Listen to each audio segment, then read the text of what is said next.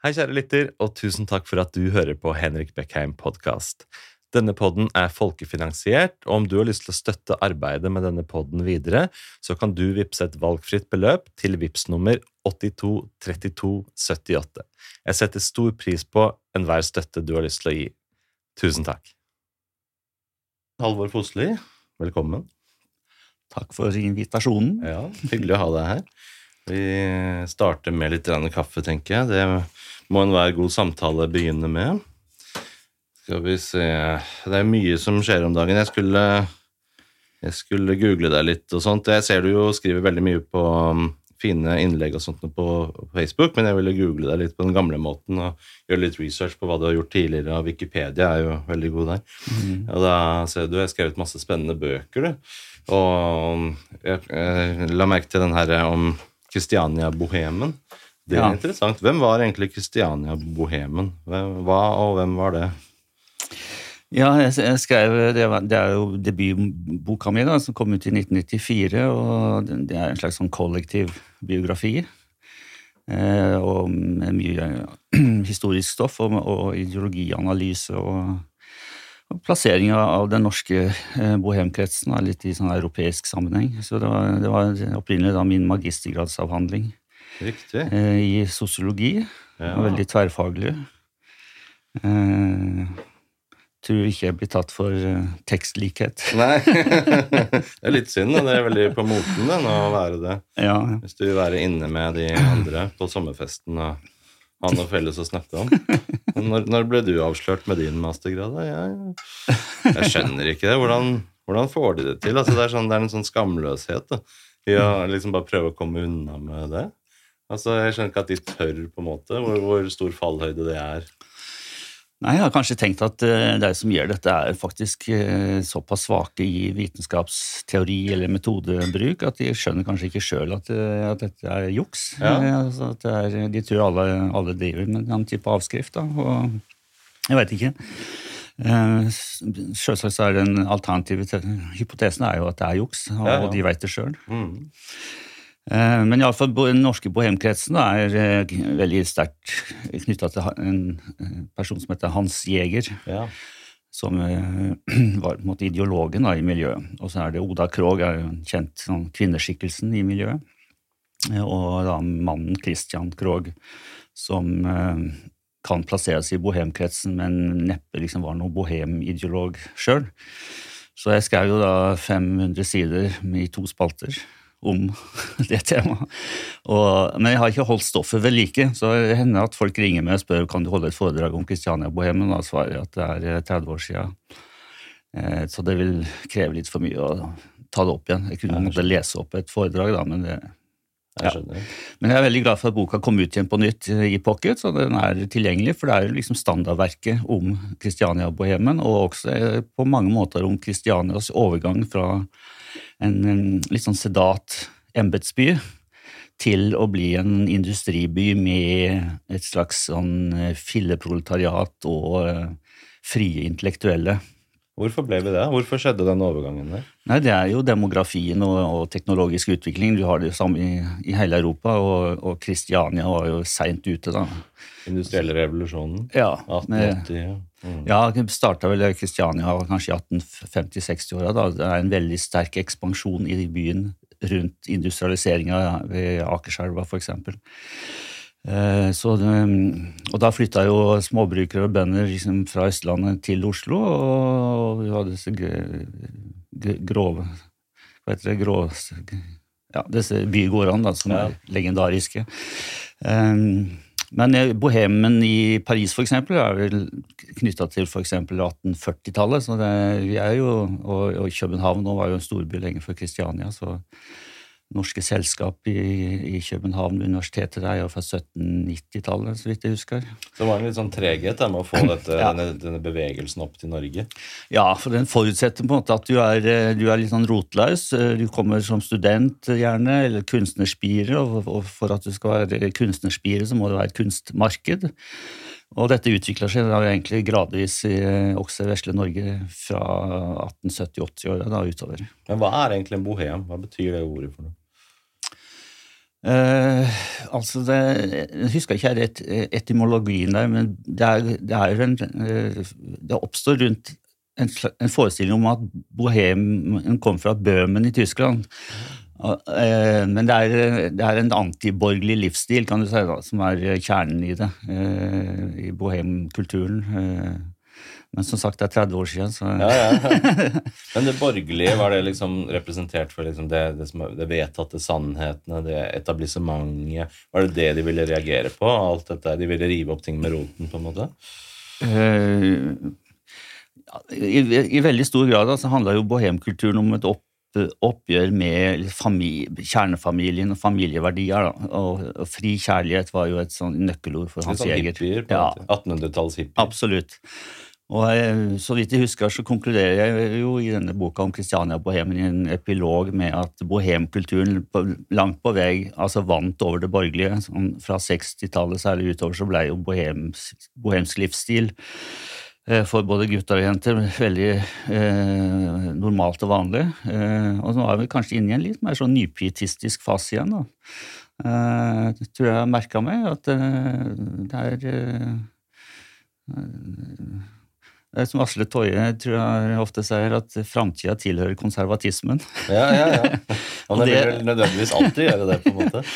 Ja, ja, men du ville ikke sagt det på 70-tallet. Nei. Da var eh, konservatismen eh, kjip og uattraktiv.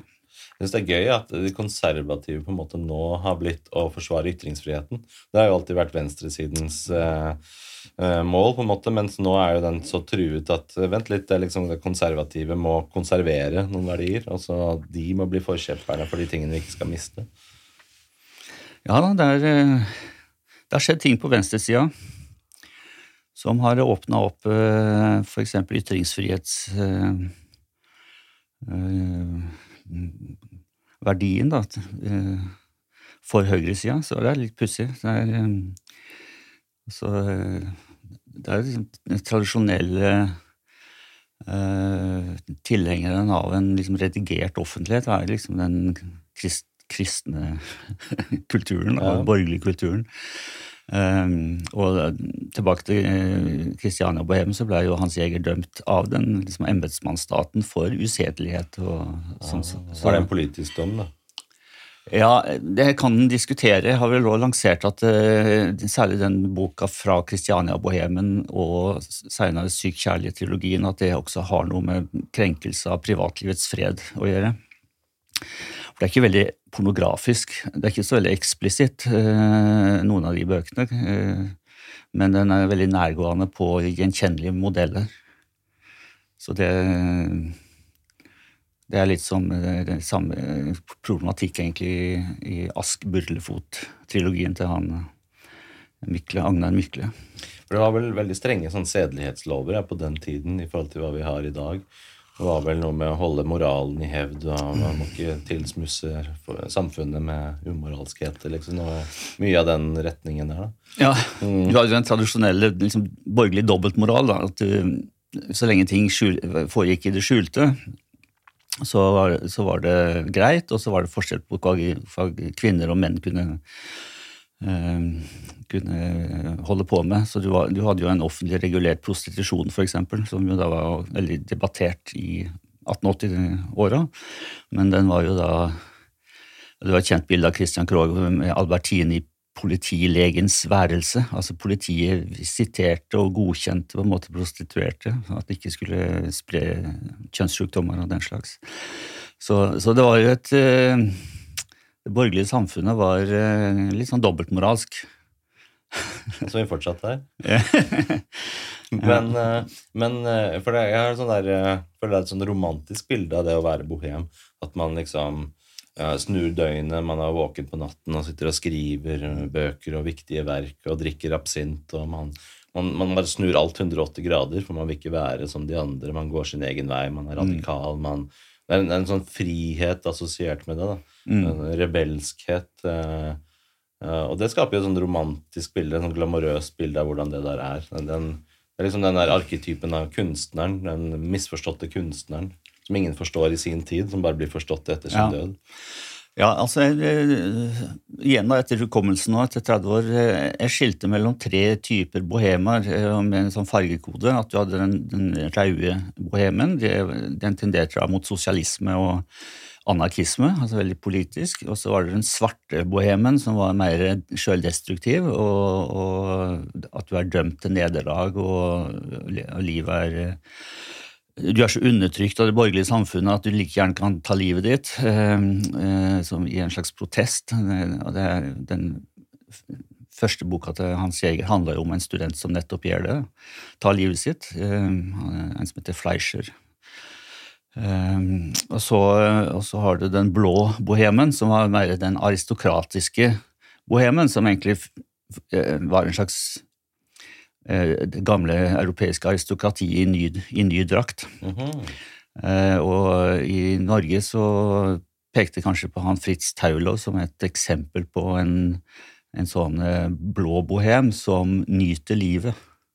Riktig. Eh, Hva gjorde han for noe? Han var, han var en av Norges mest berømte kunstmalere på, på, den tida. Riktig. Så hvis du finner, har en, vokst opp i en heim med Fritz Taulov på veggen, så er det et, det er et tegn på noe. Det er et godt utgangspunkt. Sier statistikken.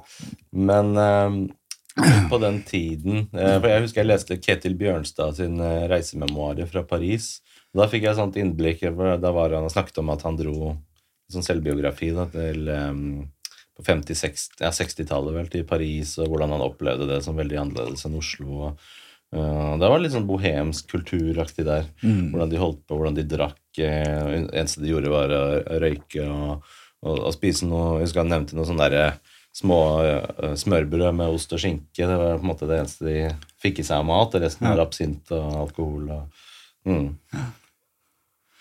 Ja da.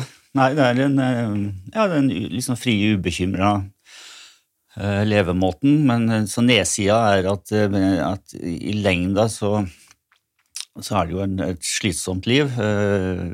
Økonomisk, sjølsagt, men, men når andre rundt etablerer seg i jobb og familie og sånn, så vil ofte bohemen ha en litt mer trasig voksentid og, og alderdom. Så, så, det er liksom nedsida i bohemkulturen, at den, den, er veldig individualistisk.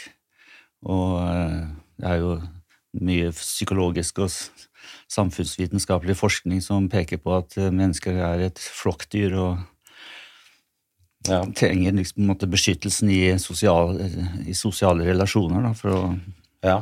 Men man trenger jo All forskning tyder vel på at de som Eller en av de viktigste variablene vel er eh, det sosiale og vennskap. Det, mm. det er en markør for, for livskvalitet og hvor lenge du vil leve. Altså, Hans Jæger hadde en sånn merkelig resonnement som var litt berømt. Han mente at et typisk eh, men, menneske da, kunne inngå 20 seksuelle relasjoner i løpet av livet. Og monogamiet, da, som jo var den borgerlige idealet, snyter da mennesket for 19 tjuendeler av livsinnholdet. Egentlig krav på erstatning. Billighetserstatning. Ja. Det, men det vet jo alle som har, eh, har, vært gjennom en del samlivsbrudd, eh, at du blir ikke veldig mye rikere av det. Nei, altså, tvert imot. Ja. så, og, La oss si det er jo noen som har vært gift eh, fire og fem ganger, men det er et litt under, mindretall. Men, men 20 ganger det, det, er en slags sånn dystopi. Ja, ja, ja. Men um, hva er det det har gitt oss den tiden og den tidens mennesker i Norge? Hva, det, hva kan si vi sitter igjen med i dag? Hva ga det samfunnet vårt å ha den perioden? Ja, godt spørsmål. Eh, det, I litteraturhistorien så blir jo denne perioden kalt for det moderne gjennombrudd.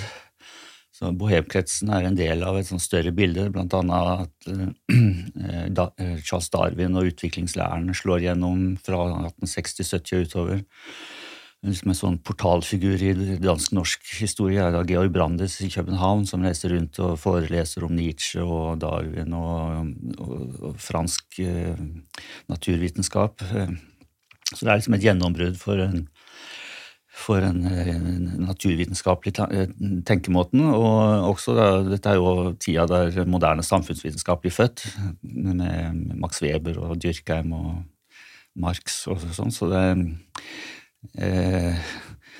det, det som det som gjerne blir forklart som årsaken til at sosiologi vokser fram, da, som en lære om, om sosial eh, om, om, solidaritet eller om sosialt samhold, eh, er jo at fra føydalsamfunnet, der alle kjente sin plass, da, altså de fleste var leilendinger husmenn, Eh, og sånn, altså Et lite sjikt med godseiere og et aristokrati og et embetsverk, og sånn, så, blir, så, blir, så, skapes dette store industrisamfunnet, der liksom millioner blir proletariat. Og rykka opp fra gårdsdrift og lokalsamfunn og putta inn i storbyer og sånn. Og Åssen skal dette samfunnet liksom klare å holde sammen når, når livsvilkåra på kort tid blir så um, forandra? Så det det er liksom Et av sosiologiens grunnspørsmål er jo eh, liksom Hvordan eh, fungerer egentlig et sånt samfunn? Hvorfor er det ikke alles kamp mot alle? Hvorfor, hvorfor er det eh, samarbeid og ikke konflikt? Hva har du kommet fram til der? Det må vel være, bare Hvis jeg tenker på stående fot, så må det jo være at mennesket er et sosialt dyr. Da. At vi er i bunn og grunn så liker vi andre mennesker. Vi liker å være rundt andre, vi trenger andre, vi må samarbeide med andre. Mm. Vi kan ikke leve isolert, så derfor kunne vi ikke vært som noen sånne ensomme ulver som bare karer til seg og dreper motstandere og lever helt separat. Men da kanskje vi ville fått et sånt samfunn som ikke ville fungert. Ja. Vi er skrudd sammen sånn at vi vil være rundt andre, da. Ja, eh, Altså, nå, er det jo 30-40 år siden jeg leste eh, sånn fagsosiologi, da, men, men eh, han Emil Dyrkheim, en stor fransk sosiolog, så, han skildra jo denne overgangen da, fra liksom, landsbylivet som hadde vart liksom, i 1000 år i Europa, til industribyen som en overgang fra det han kalte mekanisk solidaritet. At alle, er, alle er i samme båt. Alle driver med, med to kyr og, og noen sauer og, og bor på en veldig lik måte og som tenker likt, og alle går i samme kirke. Og, så det, det, er en solidaritet som baserer seg på likhet.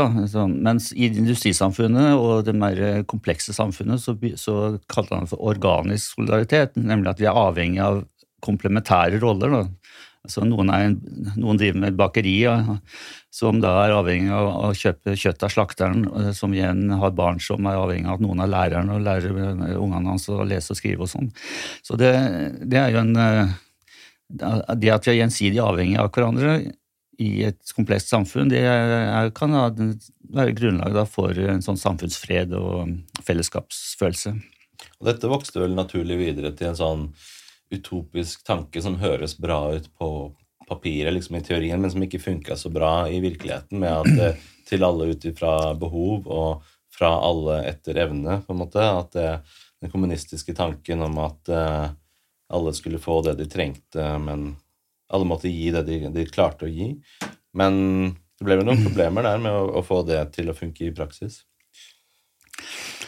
Ja, det, um, kommunismen uh, tar jo liksom likhetstanken helt ut, og har jo ikke fungert i praksis.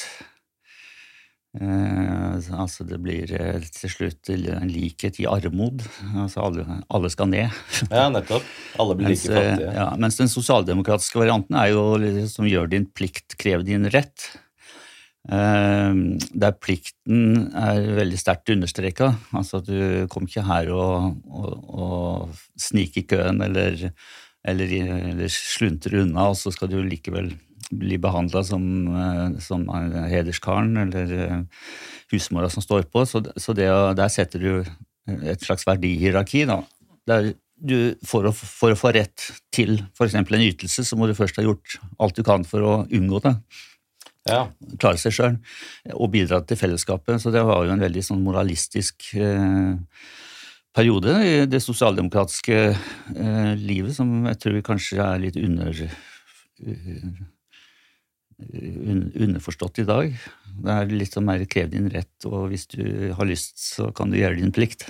Ja, det er liksom, alle er veldig fokusert på rettigheter. Ja, det er min rettighet. Hvor er, hva, hvorfor tråkker du på mine rettigheter? Og så har man glemt at det må nødvendigvis være en parallell en diametral parallell. At den rettigheten må være en plikt for noen. For noen må jo utøve den rettigheten. Noen må jo ta ansvar for den rettigheten. Men den, den, biten er ikke like forlokkende å høre om. Nei, jeg er veldig opptatt av eh, å ta vare på liksom, forutsetninger for et godt samfunn. Eh, for et, I etterkrigstida med lange fredsperioden og med økonomisk oppgang og med eh, oljerikdom og sånn, så er det mange ting etter hvert som kanskje ikke minst vi i Norge tar for gitt. Og og det kan, altså sånn Ressursrikdom kan bli en forbannelse eh, fordi en tror at vi er så rike fordi vi er så flinke, eller, eller fordi eh, Gud er glad i oss. Eller, Guds utvalgte folk. ja, eh, og da, så det er både i innvandringsdebatten da, og i, eh, i trygdedebatten og for så vidt, eh, velferdsstatsdebatten, eh, så, så prøver jeg å minne om en del forutsetninger for det gode samfunn som for det har ikke ramla ned fra himmelen eller er ikke pumpa opp av Nordsjøen. Det er eh, Og det varer ikke for alltid? Nei, det, historikere er jo klar over det. At uh, Pax Romana var, var, varte ikke alltid. Og, uh, så det er, det er sant, det. Så det, det, gjelder å forvalte sitt liv og den tida en lever i, og, og gjøre en innsats sjøl òg.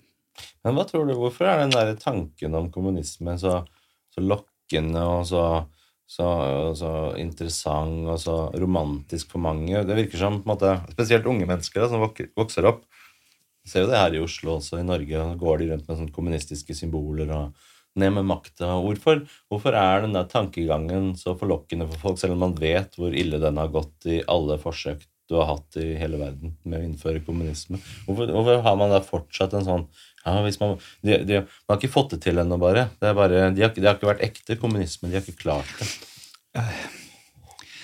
Ja, altså, en, Det går an å se på kommunismen da, som en sånn sekulær variant av kristendommen. Eh, med eh, kapitalismen da, som en slags eh, syndefall eller noe sånt. Altså Revolusjonen er en slags eh, skjærsild Altså, kommunismen er da det paradis, da, paradisiske tilstander. Der det er, er overflod.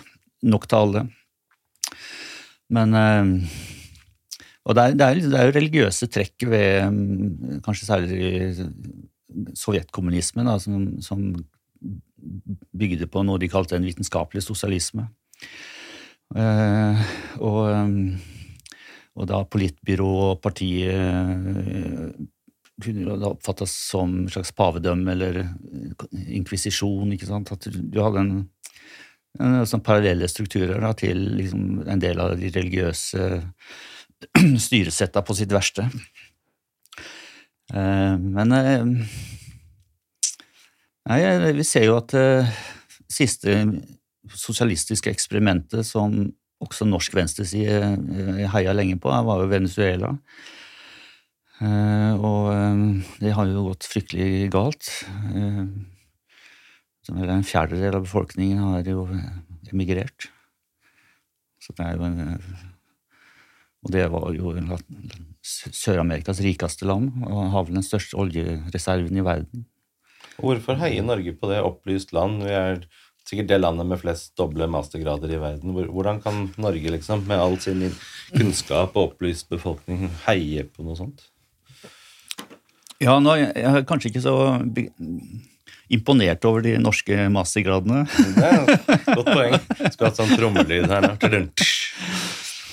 Og, jeg, jeg, følger litt mer på debatten rundt uh, universitetets rolle og innhold, i, som særlig er heftig da, i USA og, og England. Altså Eliteuniversitetet der er jo noen, har kritikk for å være Eh, Prega av eh, såkalt woke-kultur og, og um, safe spaces og postkolonial, postmodernistisk ideologi. Um, Sasha Munch, er det en som heter, som uh, kobler dette til, uh, til den franske Foucault som mm. en slags sånn opprinnelig den, den, første synder. da, Den som, som måte, gikk til angrep på, på, på, oppfattelsen av at det finnes en sannhet, f.eks., som måte, har vært en kjerneverdi i universitetshistorien da, fra 1100-1200-tallet, at det finnes en objektiv sannhet.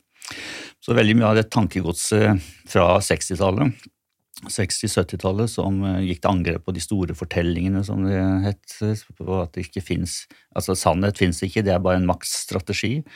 Alt er makt. Eh, så det, når dette ble det ideologiske grunnlaget for humaniora og samfunnsvitenskapen, så eh, har det fått konsekvenser. Jeg syns vel det er ikke så veldig mange akademikere i akademia som jeg har sjans for.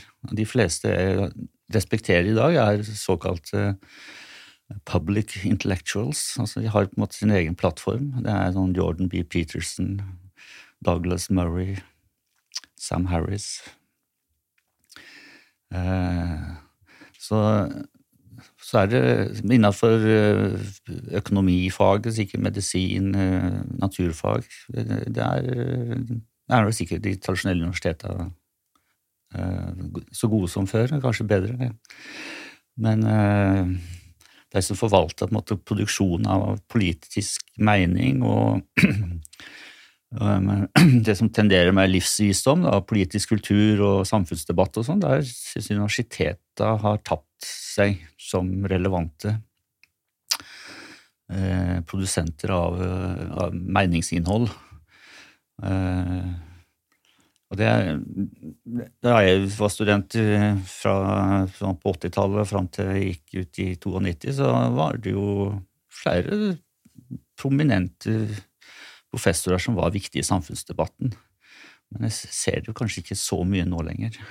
Er det noen igjen i dag som du vil fremheve som du tenker at dette er en bra på en måte, public intellectual i Norge? Er det noen du tenker er gode eksempler på professorer og intellektuelle? Ja, altså, egentlig ikke innafor samfunnsfag og humaniora. Uh, jeg tenker jo f.eks. På, på professor Brochmann, som leder disse to Brochmann-utvalgene, som, som, er på Institutt for samfunnsforskning, er det vel, men kanskje også på Institutt for eh, sosiologi på Blindern, som ikke er så verst. men eh, hun er jo ikke en som skaper begeistring der ute. Altså, hun, er en, hun, er på en måte ikke en flammende tale eller en god skribent, essayist eller noe sånt. Så eh, men, eh, men, absolutt, så det, den skal jo ikke svartmale. så Det peker egentlig mer på en tendens her. da, eh, At universitetsansatte har blitt mer byråkrater. Jeg har, jeg har ikke veldig sånn tett kontakt med mange, men jeg møter jo av og til professorer som føler at de, at de, driver mye med saksbehandling og, og veiledning. og, og at det, er, sånn halvor, det er ikke, Å være professor i dag er ikke som før. altså De klager litt over arbeidssituasjonen. Eh, og det er mye søkt, lange søknadsprosesser for å få eh, forskningsmiddel og, og evaluering og ja eh, Kanskje mye mer, mange, mye mer administrasjon rundt forskningen. Slik at uh, den reelle makta som den gamle professoren hadde, han styrte sin egen hverdag og la opp sitt eget pensum og sånn, at det er mye mer uh, er mye mer fabrikk. ja, fordi å være professor i Norge, er du veldig sånn beskytta i stillingen din da? Er det liksom er det vanskelig å få deg sparket. på en måte. Tenker jeg på sånn som i USA. så Hvis du er full tenured professor der, så på en måte da er du ganske beskyttet. Da kan du egentlig gå ut i samfunnet og si omtrent hva du vil. fordi Det er meningen også. fordi du skal kunne formidle kunnskap og tanker uten å risikere å få sparken med en gang. Er det litt sånn i Norge at de kan det? Er de, er de så beskytta at det er vanskelig i den sparken? Ja, det er øh, veldig vanskelig. altså nå det har vært en sak som jeg var dels litt Jeg ble innkalt som vitne. Det var Nils Rune Langeland, historiker, professor i Universitetet i Stavanger. Så der fikk jo universitetet, gikk jo universitetet til sak for å avskjedige Men det handla jo mye om atferd utenom altså det, var ikke noen faglig sak, det var om mer upassende atferd. Jeg skal ikke gå inn i detalj på det, men det er, det er veldig sjelden Det er en veldig sikker stilling. Det er ikke i tvil om. I hvert fall sånn i forhold til ytringsfrihet å kunne si og ja. mene akkurat hva du vil. Ja. Det er ikke sånn at du har meninger som universitetet ikke, kan, ikke står for, derfor må vi gi deg sparken. Det er ikke noe gyldig grunn til oppsigelse, det. Ja. Nei, I USA så har det vært flere sånne saker da, der uh, folk har blitt uh, måtte tatt av. Kanskje, altså ikke få lov å undervise, ikke få lov å veilede og sånne ting. Uh, men Nei, det er, det er en eh, Det er jo en beskytta stilling, sånn formelt sett. Det som vel blir påpekt av dere som kan mer om dette enn meg, er jo at det er mye gruppepress, og, og at du er, du er, redd for å legge det ut mot eh, som oppfatningen blant, ja. i kollegiet. Ser jo det blant annet på Anne Kalvig, det var jo også ved Universitetet i Stavanger.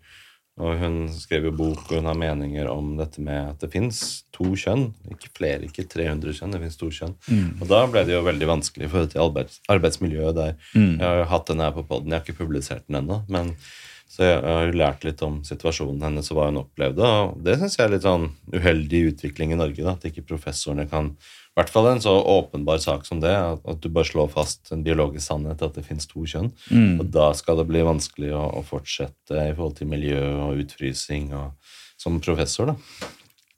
Ja, som, Så vidt jeg husker, så sa vel hun opp jobben sin. Hun, ja da, hun fikk jo ikke det. Men det var vel som et resultat av at det blir mm. et umulig miljø. på en måte. Ja, ja og hun følte vel at rektor øh, falt henne i ryggen ja, i stedet for. Ja. Mm. Nei, og så var det jo en sak oppe i Trondheim om på NTNU Jeg Han eh, glemt navnet nå. Men det, er noen, noen, sånne få saker. Men jeg tror nok hovedproblemet er dette med byråkratiseringen av, av professorlivet og gruppepress og eh, kanskje en generell større sånn angst i dag å for å legge seg ut mot, med, med, med vanlige oppfatninger i samfunnet bredt.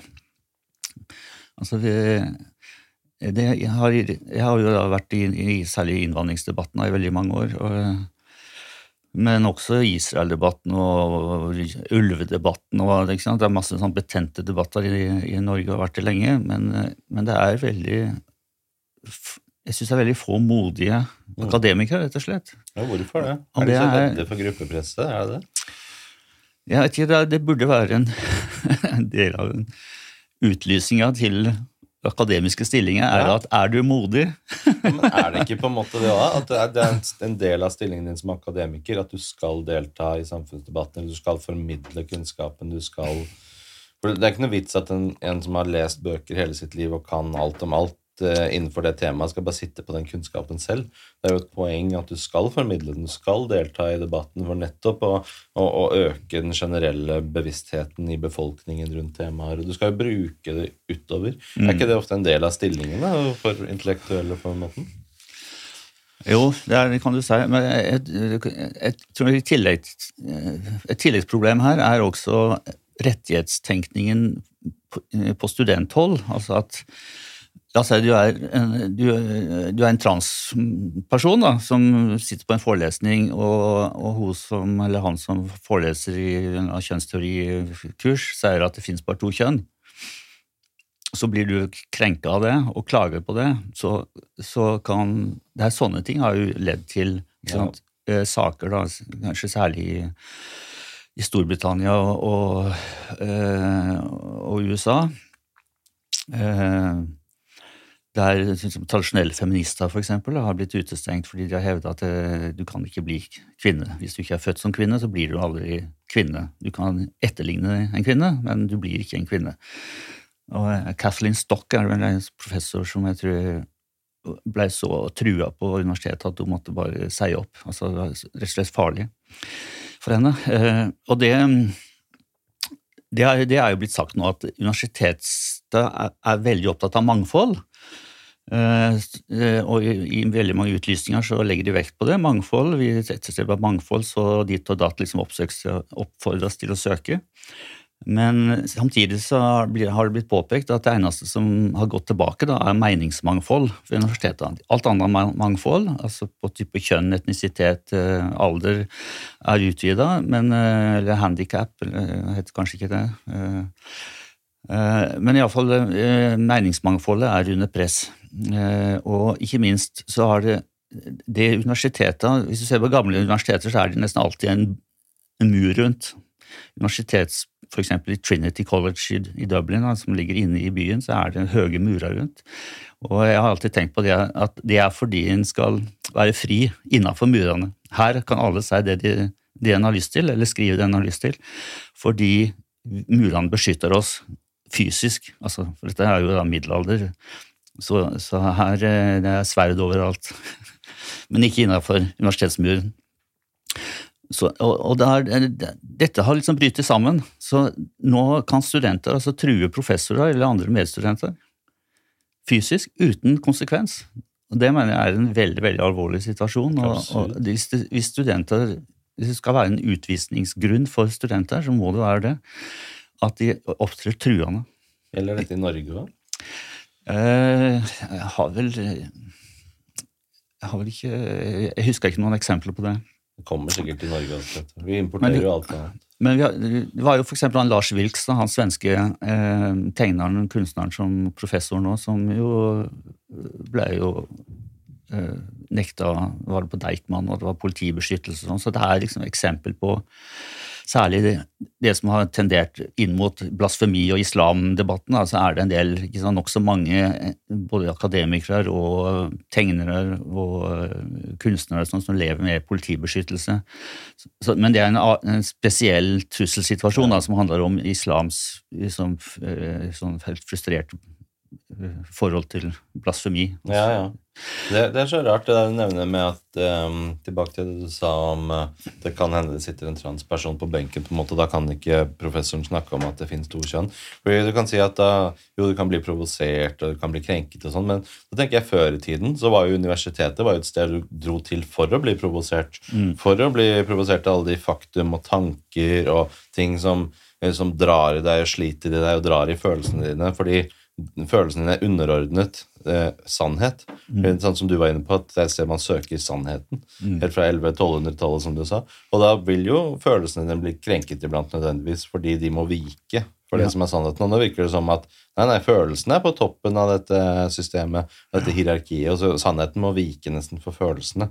Fordi mm. hvis noen får følelsene krenket, da må vi ta det ut av pensum, fordi følelsene er eh, a priori det er det aller viktigste. Mm. Ja, nei, jeg mener det er en veldig uheldig utvikling. Eh, altså I USA så er det en viktig diskusjon er jo om universitetene sjøl klarer å ordne opp i dette.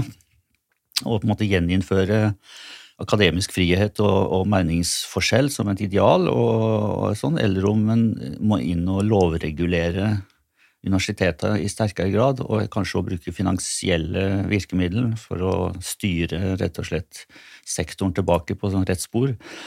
Um, sånn, der er han Rufo i Florida, som er en, en sånn konservativ aktivist eh, og rådgiver for, eh, for Florida som stat, og, og, gått veldig hardt ut mot sånn woke-kultur. Og, og, og har en sånn egen anti-woke lovgivning, rett og slett. så bra. um, så jeg tror, jeg, jeg, har jo kanskje meint en stund nå at, at woke-kulturen har liksom pika. Er, den er på vei ned igjen. Den, den, den har ikke levert uh, gode ting til samfunnet, til samfunnsdebatten eller til utdanning av lektorer og, og journalister og sånn. Det, eh, det, eh, det, er en ideologi som mm, som ikke passer inn, rett og slett, i, en, i, i et i, ja, i et framtidig vestlig samfunn sånn som vi ønsker at det skal, at det skal være. Ikke bærekraftig? Nei, det er, det er repressivt og og uh, følelse sånn oppgitthet uh, det, er, det, er, ikke robust som det er. Det er et veldig populært begrep i, ja. i politikken. Tror du om 100 år, når vi sitter når lærere underviser ungdomsskoleelever og sånt noe. Akkurat sånn som vi gjør nå, så sier vi at det perioden var naturalismen, det var realismen og modernismen. Tror du om 100 år så kommer læreren til å si ja, og så, og så hadde vi postmodernismen, så kom vi inn i en fase som het wokeismen. Og da ble folk helt gærne og trodde at opp var ned og ned var opp. Og heldigvis varte denne bare til 2030, og da kom vi inn i en ny fase. Tror du, tror du det blir en av de der store fasene, liksom? Ja, det har jeg ikke tenkt på på den måten, men det, det ser ikke bort fra det. Um, absolutt. Det um det kan Sånn periodisering er, er, noe historikere driver med. Det, det, eh, og samtidshistorie er jo alltid en sånn ris risikosport som nokså få driver med. Men jeg, jeg, syns det høres plausibelt ut at vi, at, at, vi har, at vi er i en sånn seinmoderne, sånn dekadent fase som, som, også vil ta slutt. Eh, På hvilken fase sier de sånn at vi egentlig er i nå? Altså Vi hadde modernisme, så er vi inne i postmodernismen nå? Er det den som liksom er status quo? Da, altså, da jeg studerte, så var det, da var postmodernismen et veldig tydelig begrep. Ja. Eh, absolutt. Eh, men jeg var ikke særlig fanga av koryfeene som representerte postmodernismen, men det var jo liksom Eh, Baudrillard var en sånn fransk eh, mote eh, sosiolog, filosof, som jeg husker besøkte Chateau Neuf, ja, Chateau Neuf var det vel, studentsamfunnet, og trakk hjem noen hundre Eh, studenter. Da. Eh, men nå er det jo Jordan B. Peterson som, som trekker folk ikke sant, i Oslo ja. og i verden rundt. Eh, det er en postmodernist som hadde lagt ut på turné i dag. Tror jeg ikke ville ha trukket mange. Og hvilken, hvilken, fase eller retning vil du si at Jordan B. Peterson da tilhører? Hvis man da i ettertid skal kunne si at ja, dette her var starten på den og den nye fasen. Hva skal man kalle det for noe? Hva er neste fase etter etter postmodernismen, som, som, Jordan B. Peterson representerer? Er det en ja. ny slags realisme, eller er det en ny sånn hvor, hvor, folk vil ha tilbake hva er sannhet? For det, det han prater mye om, det, hva er sannhet? Hvordan mm. kan vi vite hva som er sant? Det er jo gjerne en sånn rød tråd i det han driver med. Han vil ha frem hva som er sant. Ja da. Eh, han vil heller eh, ta feil enn å si at sannhet er eh, relativt. Ja, nettopp. Ja. Har det vært en fase tidligere i vår historie òg? Har vi hatt noen sånne faser hvor det har vært veldig viktig? Ja, altså, det, det, blir ofte sagt om vitenskap at den vitenskapen er jo ikke å komme til Nordpolen og så bli der. Men vitenskap er å ha en retning mot Nordpolen ja. som du på en måte aldri kommer til. Riktig. Så det, for vitenskapens grunnprinsipp er, er ikke å endelig eh, forvalte sannheten. Det er mer en religiøs, dogmatisk innstilling. som vitenskapen er mer der kjernen er falsifisering hele tida. Altså, du tester eh, teorier og sånn, årsakssammenhenger og, og, sjekker om du har, har du fått med deg alt, eller er det, er det ting som kan bli mer presist og bli bedre. Fordi Jordan han representerer jo ikke bare en slags søken etter objektiv sannhet heller, for han prater jo mye om religiøse og åndelige temaer også. Så det er på en måte en blanding av de to, eh, hvor man må søke noe på en måte større, noe utenfor seg selv, ja. samtidig som hva kan vi vite er sannhet. Så kanskje det er en ny slags type renessanse. Og renessansen var jo veldig opptatt av mange forskjellige typer uttrykk og kunst og kultur og arkitektur, og, men samtidig også mye vitenskap etter hvert, og, og, og finne ut eh, om, om om vi har et heliosentrisk eller geosentrisk verdensbilde, og på en måte ut, søken, da, en søken etter noe. Ja. Altså, Jordan B. Peterson er jo en veldig sammensatt eh, person, eh, for han, han er jo også veldig opptatt av religiøse tekster, særlig Gamle testamentet og, og Bibelen, som han mener liksom forvalter liksom, dype innsikter hvis du liksom prøver å nøste ut innhold eller meninger da, i forskjellige eh, fortellinger og eh,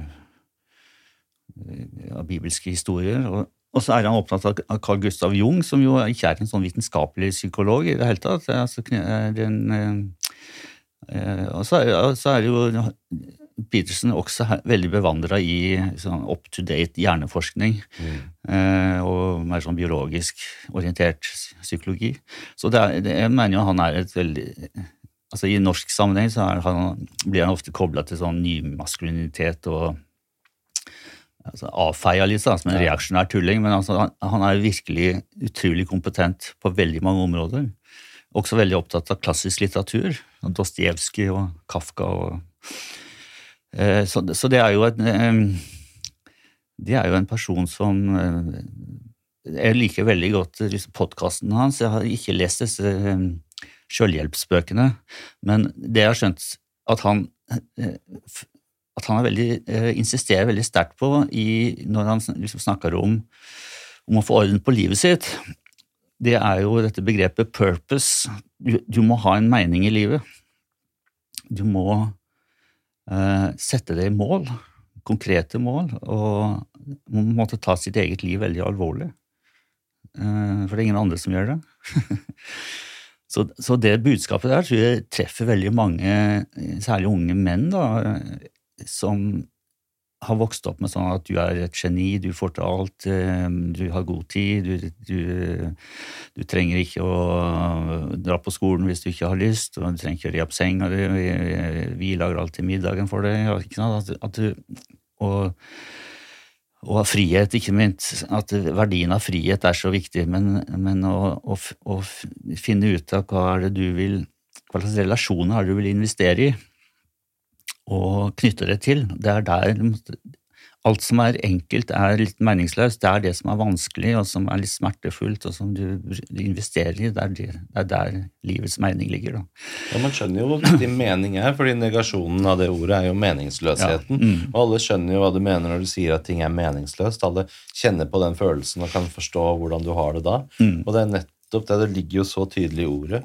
Eh, og hvis du da tar det motsatte av meningsløsheten, med total mening, at du føler at det du gjør nå, er så meningsfylt at jeg bør ikke reflektere om jeg føler det har mening engang. At det, det, er bare åpenbart at det jeg driver med, har mening. Mm. Så, så, blir du jo mye mer drevet og motivert og glad. og liksom, Det påvirker jo alle systemer, fra det biologiske til det åndelige til det mentale til det emosjonelle til alt. Mm. Det preger deg på alle, alle dimensjoner. Ja. Ja. Da, altså det uh, Get a purpose in life. altså det, Der er han uh, veldig moralistisk. Det er et veldig sånn klart råd. Uh, og jeg, sånn, i mitt eget liv òg, da jeg var i 20-åra, så fikk jeg etter hvert veldig behov for å få barn. Liksom avslutte den delen av livet uten barn. Og det er jo Peterson veldig Det er klart et av de viktigste elementene i et meningsfullt liv er å delta liksom i den reproduksjonens lange lenka av generasjoner. Ehm, så og, og derfor er, han har jo veldig sans for f.eks. Viktor Orbans familiepolitikk i Ungarn. Han, han, han, betyr ikke at han nødvendigvis støtter alt som skjer i Ungarn, men altså det, å, det at du har en stat som er så på familiepolitikk. Det, det, sånn som jeg oppfatter Jordan B. Peterson, så synes han det er helt korrekt. Mm. At staten skal ikke være nøytral i sånne spørsmål, men heller og Erna og Gro Harlem Brundtland òg har for så vidt sånn oppfordra folk til å få barn. Og, og, Kanskje uten å sette inn i den psykologiske sammenhengen, da, men mer sånn med tanke på at eh, vi må finansiere pensjonen og sånn. Men altså, det, det psykologiske for en et, et, samfunn som skal ha en, en lykkelig befolkning, da, som er på plass i livet, så er det å inngå i familierelasjoner da, veldig viktig. Og det er jo selvsagt stor bekymring i USA når det er rundt halvparten av alle barn blir født av enslige mødre, ja. eller iallfall ikke i et fast Eller kanskje utenfor ekteskapet er det dette. Men iallfall en veldig stor andel, særlig blant svarte, at, at du har enslige mødre som og fedre i fengslene. Altså Den kombinasjonen der er bare forferdelig og må Det er noen, det er noen sånne uh, mekanismer der som, som man må prøve å bryte. Ja, og de mener jo at det også er en veldig stor del av grunnen til sosioøkonomiske vanskene og utdanningsnivå og, og høy kriminalitetsrate blant nettopp den sorte befolkningen. Da. Og at uh, det ikke er sånn som mange politisk korrekte mener, at nei, det er pga. strukturell rasisme at det er så, så mange i fengsel.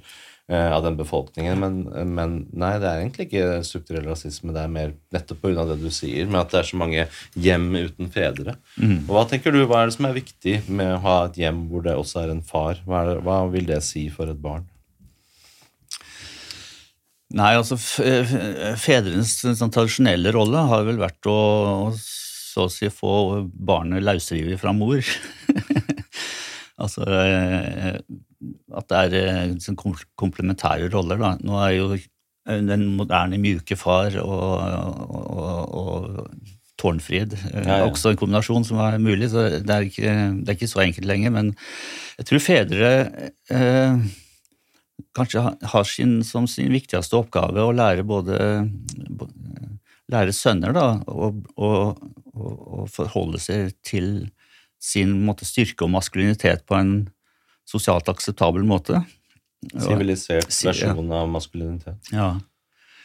Eh, og at eh, for døtre så har fedrene den rollen at eh, de lærer at menn også er ålreite. De er ikke farlige. Eh, men Det fins farlige menn, men det er ikke sånn at menn er rovdyr. Eh, I sånn ekstrem svensk feminisme så er jo liksom alle menn potensielle voldtektsforbrytere. Ja, selvfølgelig. Men eh, Nei, så den eh, farsfiguren, ja, det Jeg tror den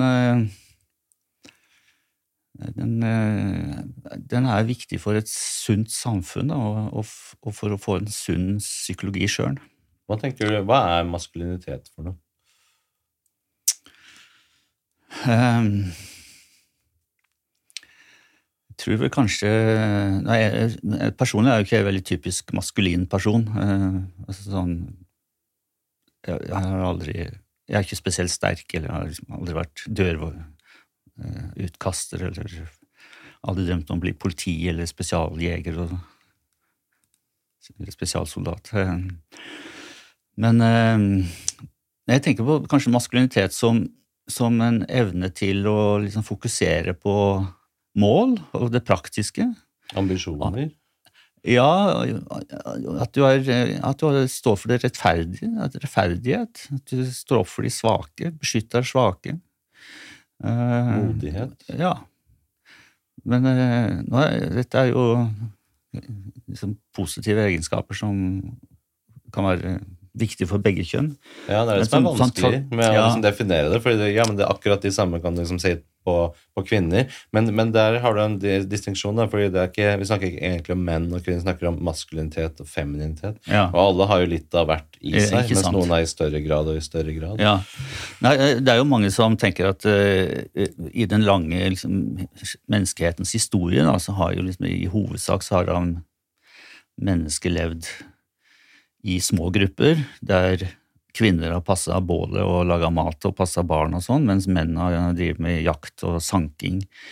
Og at det har skapt liksom ulike psykologier og roller. Og så har vi da levd noen generasjoner nå i, i et sånn industrisamfunn og et kvart et postindustrielt samfunn med, der kvinner nesten i større grad enn menn er liksom tilpassa mange samfunnsoppgaver i dag viktige samfunnsoppgaver, og, um, som gjør at f.eks. kvinner nå er i flertall på universitetet. Men det, det, kan likevel, og mange kvinner er, driver jo like mye med å forsørge familien som menn. Altså er, den tradisjonelle mannlige forsørgerrollen er jo avvikla på mange måter eh, i vestlige samfunn. Eh, I toinntektsfamilien og også nokså mange familier der, der kvinner har hoved, hovedinntekten.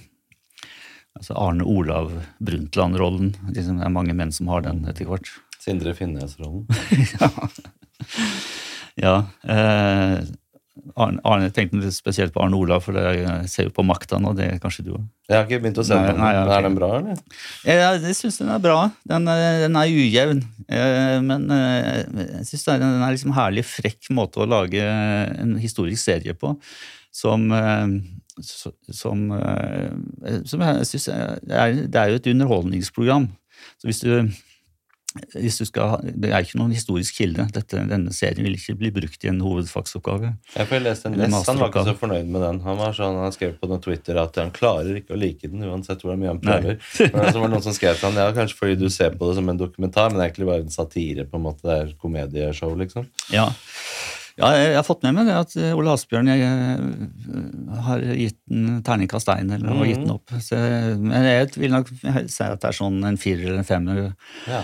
Og noen scener er veldig kostelige, da. Eh, Eh, så det er noe så. Men eh, vi, nå snakka vi oss litt bort. Jo, vi var på maskulinitet. Ja. For hva er eh, maskulinitet? For jeg føler det trenger vi. Vi trenger en ny maskulinitet. Altså at vi tar tilbake at maskulinitet har en verdi. Ja. At det ikke er noe som skal, sånn som du snakker om svenske ekstreme feminister, som det er noe som skal ryddes vekk, som vi må fjerne mm. og vaske samfunnet bort fra. Nei, jeg tenker motsatt. Vi må, må gjøre vi må gjøre menn stolte av maskuliniteten sin. At det er ikke noe de skal skamme seg for. Ja, Nei, absolutt eh, eh, Nei, jeg er nok mer, blitt mer konservativ også i, sånn, i familiepolitikk med åra. Og jeg ser med bekymring på særlig kanskje den somaliske minoritetsbefolkningen i Norge, der skilsmisseraten er skyhøy, og veldig stor, stor barneflokk vokser opp med en mor som ofte ikke er så veldig god i norsk språk og, og dårlig råd og sånn, og særlig da gutter. Som ja, som mangler farsmodell, rett og slett, som kombinerer da dette med å, å håndtere aggresjon, styrke og sånn, og samfunnsansvar, og, og en beherska Altså at du bruker eh, maskulin energi på en konstruktiv måte. Ja, ja. Sivilisere en måte. Det, så det er den eh, det der sammenbruddet egentlig i den somaliske familiestrukturen, som, som, jo ikke er vanlig i Somalia, men som, kom, som, som altså, oppsto her i Norge på grunn av Min teori er at det, det oppsto av at somaliske menn i Norge eh, følte at de, at de ble sett ned på, at de ikke ble, ble møtt med respekt, fordi identiteten til en somalisk mann er at de er litt sånn herrefolk. De er eh, faktisk du skal ikke kødde med en ja, somalisk mann.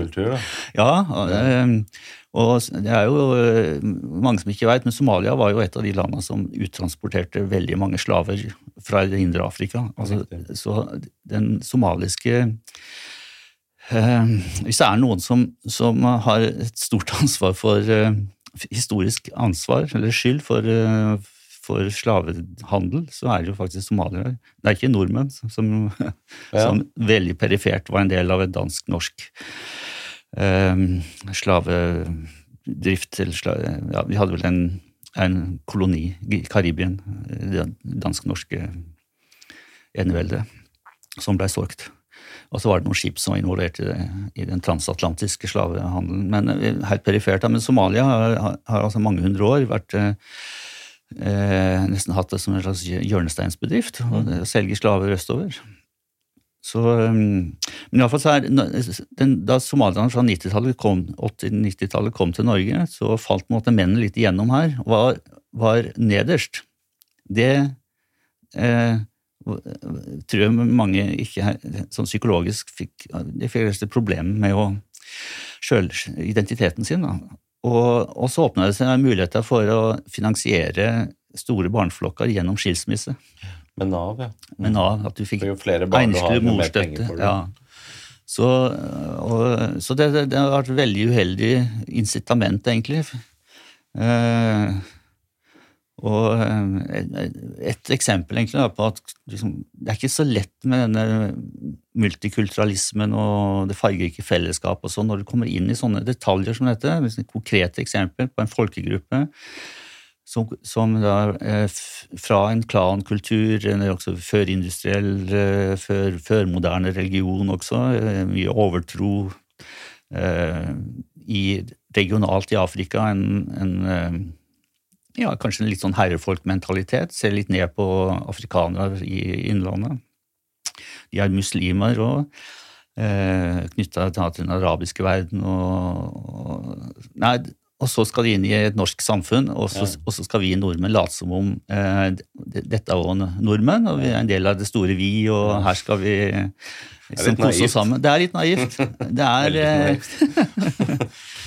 ja. Men hvorfor er folk eh, liksom så redde for å snakke om at det kan være problematiske sider ved det? Hvorfor, hvorfor er det en sånn frykt der for å er det det at man blir stemplet som rasist da, med en gang? Hvis du sier at ja, eh, fint med denne festen her for å ta imot alle disse, men kan det være noen problematiske Hæ, hvem er du til å si det? Er du rasist, du? Eller er det liksom den, den automatikken i at folk bare stempler med en gang, så da, da er man stille da istedenfor, og så har det blitt sånn som det har blitt, fordi ingen tør å, tør å si imot det gruppepresset? Ja, den eh, rasiststempelet har liksom absolutt som, ført av at liksom debatten har blitt eh, ensidig. Da. Eh, det, hvis en skal ta det positive, så er det jo en veldig sterk verdi i Norge, som er liksom en slags sekulær variant av kristendommen. Da. Det er nemlig at vi er, vi er alle skapt i Guds bilde, og vi er, vi er like mye verdt. Ja. Eh, så eh, eh,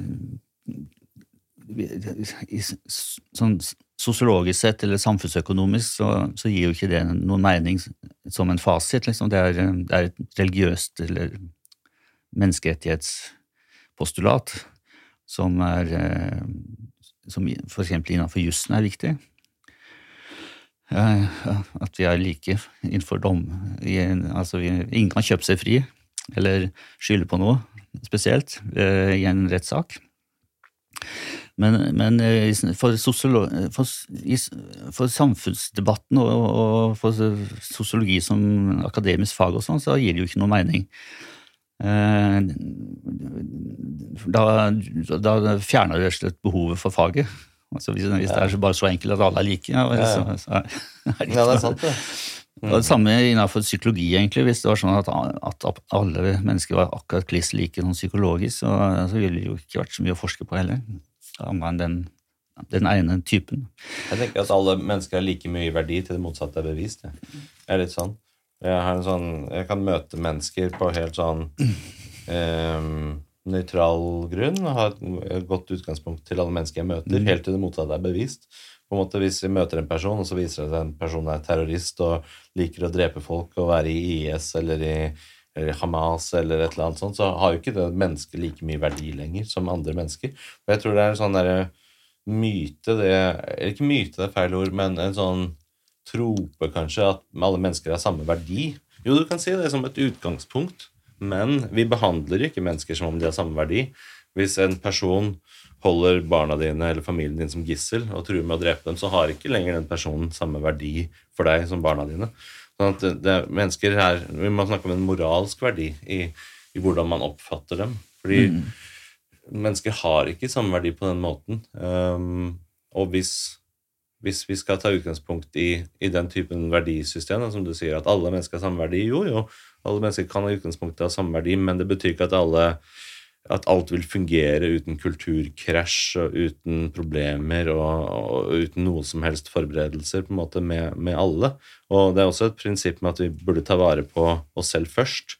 Du er ikke en god forelder hvis du tar vare på alle andre sine barn før dine egne. Du må jo begynne med din egen familie og ditt eget hushold først. Så kan du hjelpe andre. Mm. Det er litt sånn ta på din egen gassmaske først før du hjelper andre. prinsipp. Mm. Og så hvis du har noe til overs, hvis du i tillegg kan hjelpe andre, så er det kjempefint. Men du må jo sørge for at landet ditt, de du bor sammen med, at, at landet ditt fungerer. Først, liksom. Ja. ja da. Nei, det er jo et veldig sånn vanlig eksempel, det at en, en foreldre som behandler alle barn helt likt i verden, vil jo fort uh, bli kalt inn til barnevernet. ja, nettopp. Man, man, tror det høres så fint ut. Sånn, ja. uh, alle barn er dine barn, liksom. At det er sånn der uh, John Lennon og Imagine No Borders og liksom, Det høres veldig utopisk ut, men det, da, for å få til det så måtte vi ha vært guder alle sammen. Og vi er ikke guder, vi er mennesker. Mm. Og så er det også viktig, som, f.eks. Terje Tvedt, historikeren, globalhistorikeren, har påpekt, at de, holdningen om at alle mennesker er like mye verdt, og at vi grunnleggende sett har lik verdi, den, den er ikke, heller ikke universell Sant. gyldig. Så det finnes mange kulturer eller sivilisasjoner eh, som skiller mellom kaster, f.eks. Ja eller mellom kjønn, eh, eller mellom de som er innafor og de som er utafor. Vantro. altså Grekerne kalte vel alle andre barbarer, som var altså ikke, ja. ikke, greke, ikke greske. Og Vi hadde det samme i Norge òg, for da kunne du være sånn borger eh, Hva var det for noe? Du, ble kalt, du hadde liksom rettigheter til å være borger og, og kjøpmann og, uh, tidligere i middelalderen. Da. Mm. Eller om du var trell, eller om du var at du jobbet på gården, på en måte. Men vi har jo gått mye mer bort fra det i Norge, og så er det mye mer likhetstanken. Og det er kanskje den likhetstanken som også har skapt problemer for oss. Ja. vi tenker så likt og så bra om alle til, ut til det naive. Ja. Ja, nå, nå er det jo et sånn tusenårsjubileum for innføring av kristenretten. altså at Det er en overgang fra vikingtida og norrøn eh, kultur da, til eh, at Norge ble en del av den europeiske kristenheten. Det skjedde jo da Eh, en prosess. da, Det var ikke noe fra, dag til, fra den ene dagen til den andre. men men da, da ble jo det innført eh, litt sånn universell verdi, at f.eks. at spedbarn hadde en verdi eh, i seg sjøl. Eh, så barnedrap ble da ulovlig, og eh, blodhevn og en del ja, Innføring av mer sånn universell tankegang og, og naturrett Eh, spilte over en viss rolle litt seinere, på 1200-1300-tallet og utover. Så da hadde du eh, Magnus Lagabøtes lov, hva det heter, mm. landsloven da, fra, ja, 1200-tallet, som er en veldig tidlig eksempel på en, en, lov som gjaldt en større region, ikke bare lokalt i en by, f.eks. Eh, og visstnok den tredje eldste i Europa, etter Sicilia og Eh, i en spansk region, husker jeg ikke. Andalusi Nei, husker jeg ikke. Um, så det, det, det, er liksom en sånn middel, Norske middelalderhistorikere er veldig stolt av denne landslova, mm. uh, med, med, sikkert med god grunn. Um, uh, men, uh, men, den er den universelle tankegangen kan liksom føre til en sånn helt diffus, uprioritert skjød, nesten sånn skjødesløs politikk i praksis. Eh, eksempel Innenfor innvandringspolitikken altså, har det jo vært vanlig å, si, vært vanlig å kritisere alle som ønsker en innvandring som dreier seg i retning av assimilerbare innvandrere. Altså, vi kan ikke ha mm. Vi kan ha tusen eh, folk fra en kultur som, nekter, som over tid da, nekter å måtte, inngå i det norske folk over tid, og, og frivillig. Men, men 100 000 blir verre. En million, da nærmer du deg at du splitter opp Norge i ulike folkeslag, som vi har brukt 1000 år på å måtte, skape et nasjonalt fellesskap. Ja, Integrering, egentlig. Ja. Mm. Så det er f.eks. for eksempel når noen sier at vi, Hvorfor tar vi inn så mange eh, ukrainere nå? og Det er ingen som sier at det er en problem, men liksom hvis vi tok inn 60 eh, 000 syrere, så, så, så ville det vært et kjempeproblem. Ja. Men det handler nettopp om, om denne pragmatiske sida ved statsbygging og nasjonsbygging. Eh, at det er ingen i Norge som ønsker at Norge skal bli som Libanon eller Bosnia, altså i hard, store etniske grupper som ligger i hard konflikt med hverandre. Eh, og det er jo nå kanskje blitt tydeligere for veldig mange flere at, at særlig en del av den konservative islam uh, fører til en sånn segregering. Uh, et, et, klart eksempel er jo Islamnett, som, som er veldig som har som filosofi egentlig da, å bevare en veldig særegen islamsk identitet. Eh, og der, der, de har en frykt for å bli liksom eh, europeisert, på en måte. Eh, og, så jeg har jo vært lenge en av kritikerne av innvandringspolitikken også fordi jeg mener så lenge den islamske verden er i, i en så akutt krise, da, så mye konflikter med andre nabokulturer og nabostater, så er det veldig komplisert av forskjellige grunner, også rent sånn sosioøkonomiske og og, og kriminalitetsutvikling og sånne ting, men kanskje bare at det er vanskelig å få til et naturlig fel, emosjonelt fellesskap rett og slett mellom den type muslimer og nordmenn. Det er for stor avstand. Jeg tenker Vi må erkjenne at alle kulturer ikke er like bra. Ja. Jeg tror vi har en sånn grunnleggende sånn grunnsetning i Norge at alt er like bra. Vi er så relativistiske. ikke sant? At ja, men det kan ikke vi dømme med våre vestlige øyne. og de er akkurat like bra, Deres kultur er akkurat like bra som vår. og Vi har sånn derre frykt for å si at noe som helst ved det norske og norske kulturen er bra, eller til og med bedre enn andre kulturer. Det, mm. det tør vi ikke å si. Men jeg syns det er viktig å si at det, det, vi har fått til i Vesten, med våre vestlige verdier og kultur, er, det er den beste kulturen som fins i verden til nå. Mm. Kapitalismen som vi har, med demokratiene som vi har.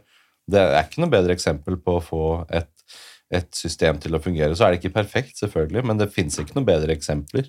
Du kan ikke komme med et samfunn i, i islam og sharialov og si at det er bedre. Måte, det, er, det, er, forskjeller der i verdi av hvor bra det fungerer, hvor bra det er. Mm. Ja, en fagperson som jeg har uh, lest en del av og brukt i egne bøker, han, det er professor Paul Collier i, ved universitetet i, i Oxford, som er en en utviklingsøkonom, en spesialist på afrikanske forhold, ja, seniorforsker.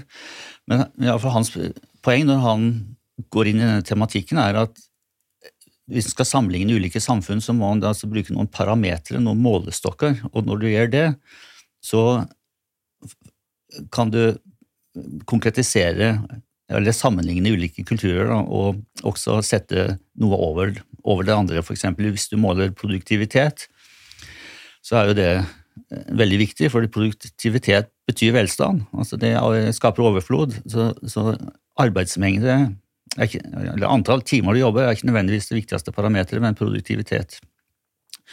Og, og hvis en sier at det er, en, er ulikt fordelt, mellom ulike kulturer og land, så, så vil den, det landet som har, har høyest produktivitet, score høyest på det. Altså en fordel. Og Så kan du ta kriminalitet, ikke sant? lov og orden, rettssikkerhet, eh, likestilling, eh, trygghet for liv og eiendom. Eh, så Hvis du bryter ned på sånne målbare ting, så, så måler du rett og slett en slags sånn human index. ikke sant? Og der har jo Norge scora høyt på, på blant de tre beste, ofte kanskje øverst i mange år, på å være det, beste landet å leve i etter visse forhold, f.eks. For gjelder utdanning og helse og sånne ting. Så i den forstand så er det jo helt åpenbart at det er forskjell, kvalitative forskjeller da, mellom kulturer. Så vil jo de på ytre- venstresiden og relativistene si at ja, men det er jo bare målt etter våre standarder om at demokrati er noe som er positivt og noe som er bra. Det kan jo hende at vårt demokrati at demokrati er feil, at det kanskje ikke er det beste styresystemet, og at vi kan ikke dømme dem med våre vestlige øyne. ikke sant? At du får hele den der, at, at Da fins ikke noe målestokk lenger, da, for ja, ingenting er absolutt. Alt er bare relativt i hvilket perspektiv du ser på det. Ja, um, bare for å fullføre det resonnementet med, med Collier. Altså det, det, han har insistert på sterkt, og som jeg syns er et utrolig viktig poeng, det er at eh, migrasjonsstrømmene da, etter annen verdenskrig eh, fra sør til nord skyldes at eh, statene i sør har, eh, har egenskaper. De er klansamfunn, de er mye eh, de er eh, uvitenskapelige. Altså de, de, er ikke kommet i gang med utviklingen, og derfor så oppstår det migrasjonsstrømmer. Men når migrantene kommer til velfungerende land, så er det viktig at eh, de inntar våre normer, ikke omvendt. For ellers så vil, for de rømmer egentlig fra konsekvensen av et ineffektivt økonomi, en, en, en, en sosiale strukturer som er hemmende. Uh, og da må ikke land som Norge eksempel, si at ja, men uh, behold kulturen, du. For her er det multikulturelt og veldig bra sånn, og vi er veldig uh, opptatt av at, at, at, du skal og din familie skal leve akkurat som før. Det er feil. Altså, for da drar du egentlig vårt samfunn ned på det nivået der disse folka rømte ifra. Konsekvensene av det samfunnet, samfunnsnormene som de rømte fra. Så, så, sånn sett så så det å være eurosentrisk eller eh, eh, ja, være opptatt av at vestlige verdier eller sånn er bedre enn andre, det, det er ikke noe å skamme seg over sånn hvis en, hvis en tenker i, i, en sånn sammenheng som dette. da. Um, og at um, sånn, Jeg har jo blitt kalt for islamkritiker, som om det er noe negativt. Men altså, islam altså, det er jo veldig I vestlig sammenheng så er det å være kritisk det er et honnørord. Ja, sant. Det er det vi bruker demokrati på. Det har vært en, en, suksessfaktor i Vesten. Det er, det er å, å, kunne evaluere og kritisere og tenke, tenke hva er det noe alternativer, kan vi gjøre ting bedre?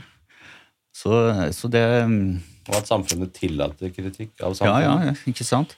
Og det, det å tilrettelegge for en åpen, kritisk offentlig samtale, og også en, som vi starta med å snakke om universitetet, at universitetet også har denne, ring, denne muren rundt seg, og at innafor her er det frihet til å forske og utfordre etablerte sannheter, det er, det er veldig viktig, og det, det må vi ikke kludre til.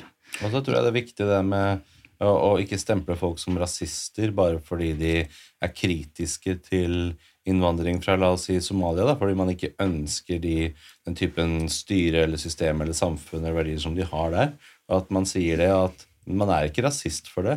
Men det har ikke noe med uh, hudfarge eller eller, eller gen genetikk å gjøre. Det har med liksom kultur og verdier å gjøre. At man ønsker å hegne om, ønsker å ta vare på noe i Norge som man er stolt av. Da. Mm. Og da å si at det er et absolutt krav at vi må få til innvandring, eh, nei, få til integrering mm. med denne innvandringen her, for vi vil ikke bli som det samfunnet hvor de kommer fra. Man er ikke rasist for at man sier det. Og det, det syns jeg er så feigt og, og, dårlig gjort da, av folk på, en måte ytre venstre eller hvor de nå er fra, og prøver å liksom svartmale eller stemple folk som rasister bare fordi de tør å, å være kritiske til eh, hva det er vi importerer. Mm.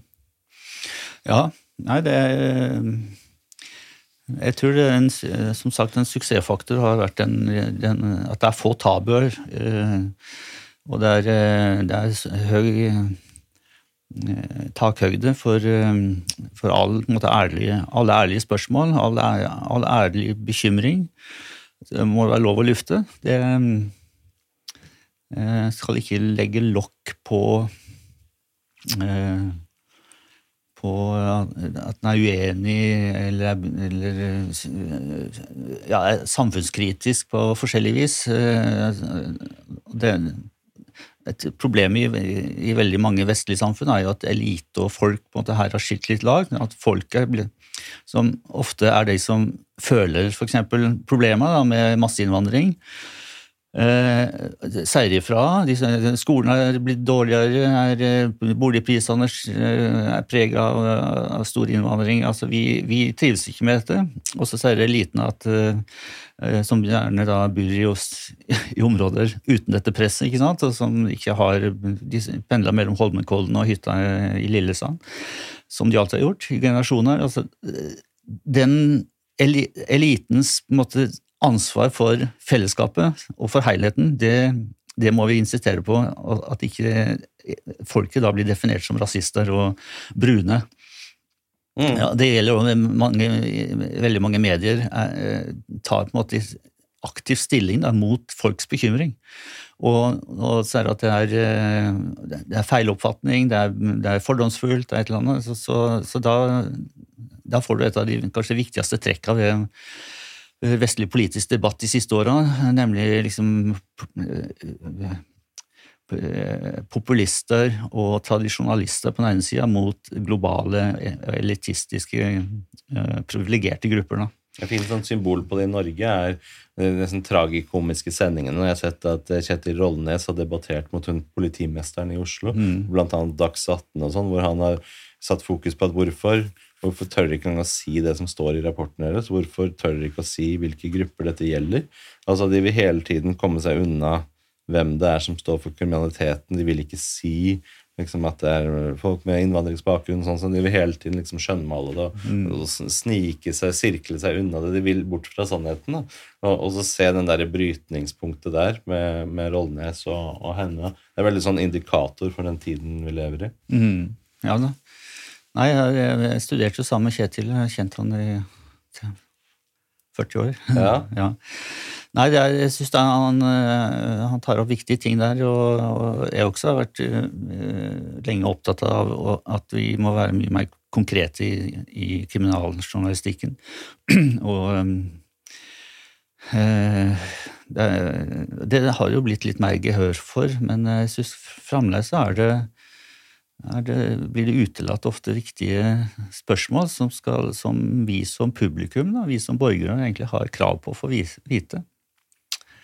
Um, og hvorfor vil ikke sånn, Hva skjedde? Når skjedde det? Hvem var involvert? Jeg, det er jo et sånt sentrale spørsmål i, i både i kriminal, altså, kriminalreportasjer og i retts, rettssaker. Da.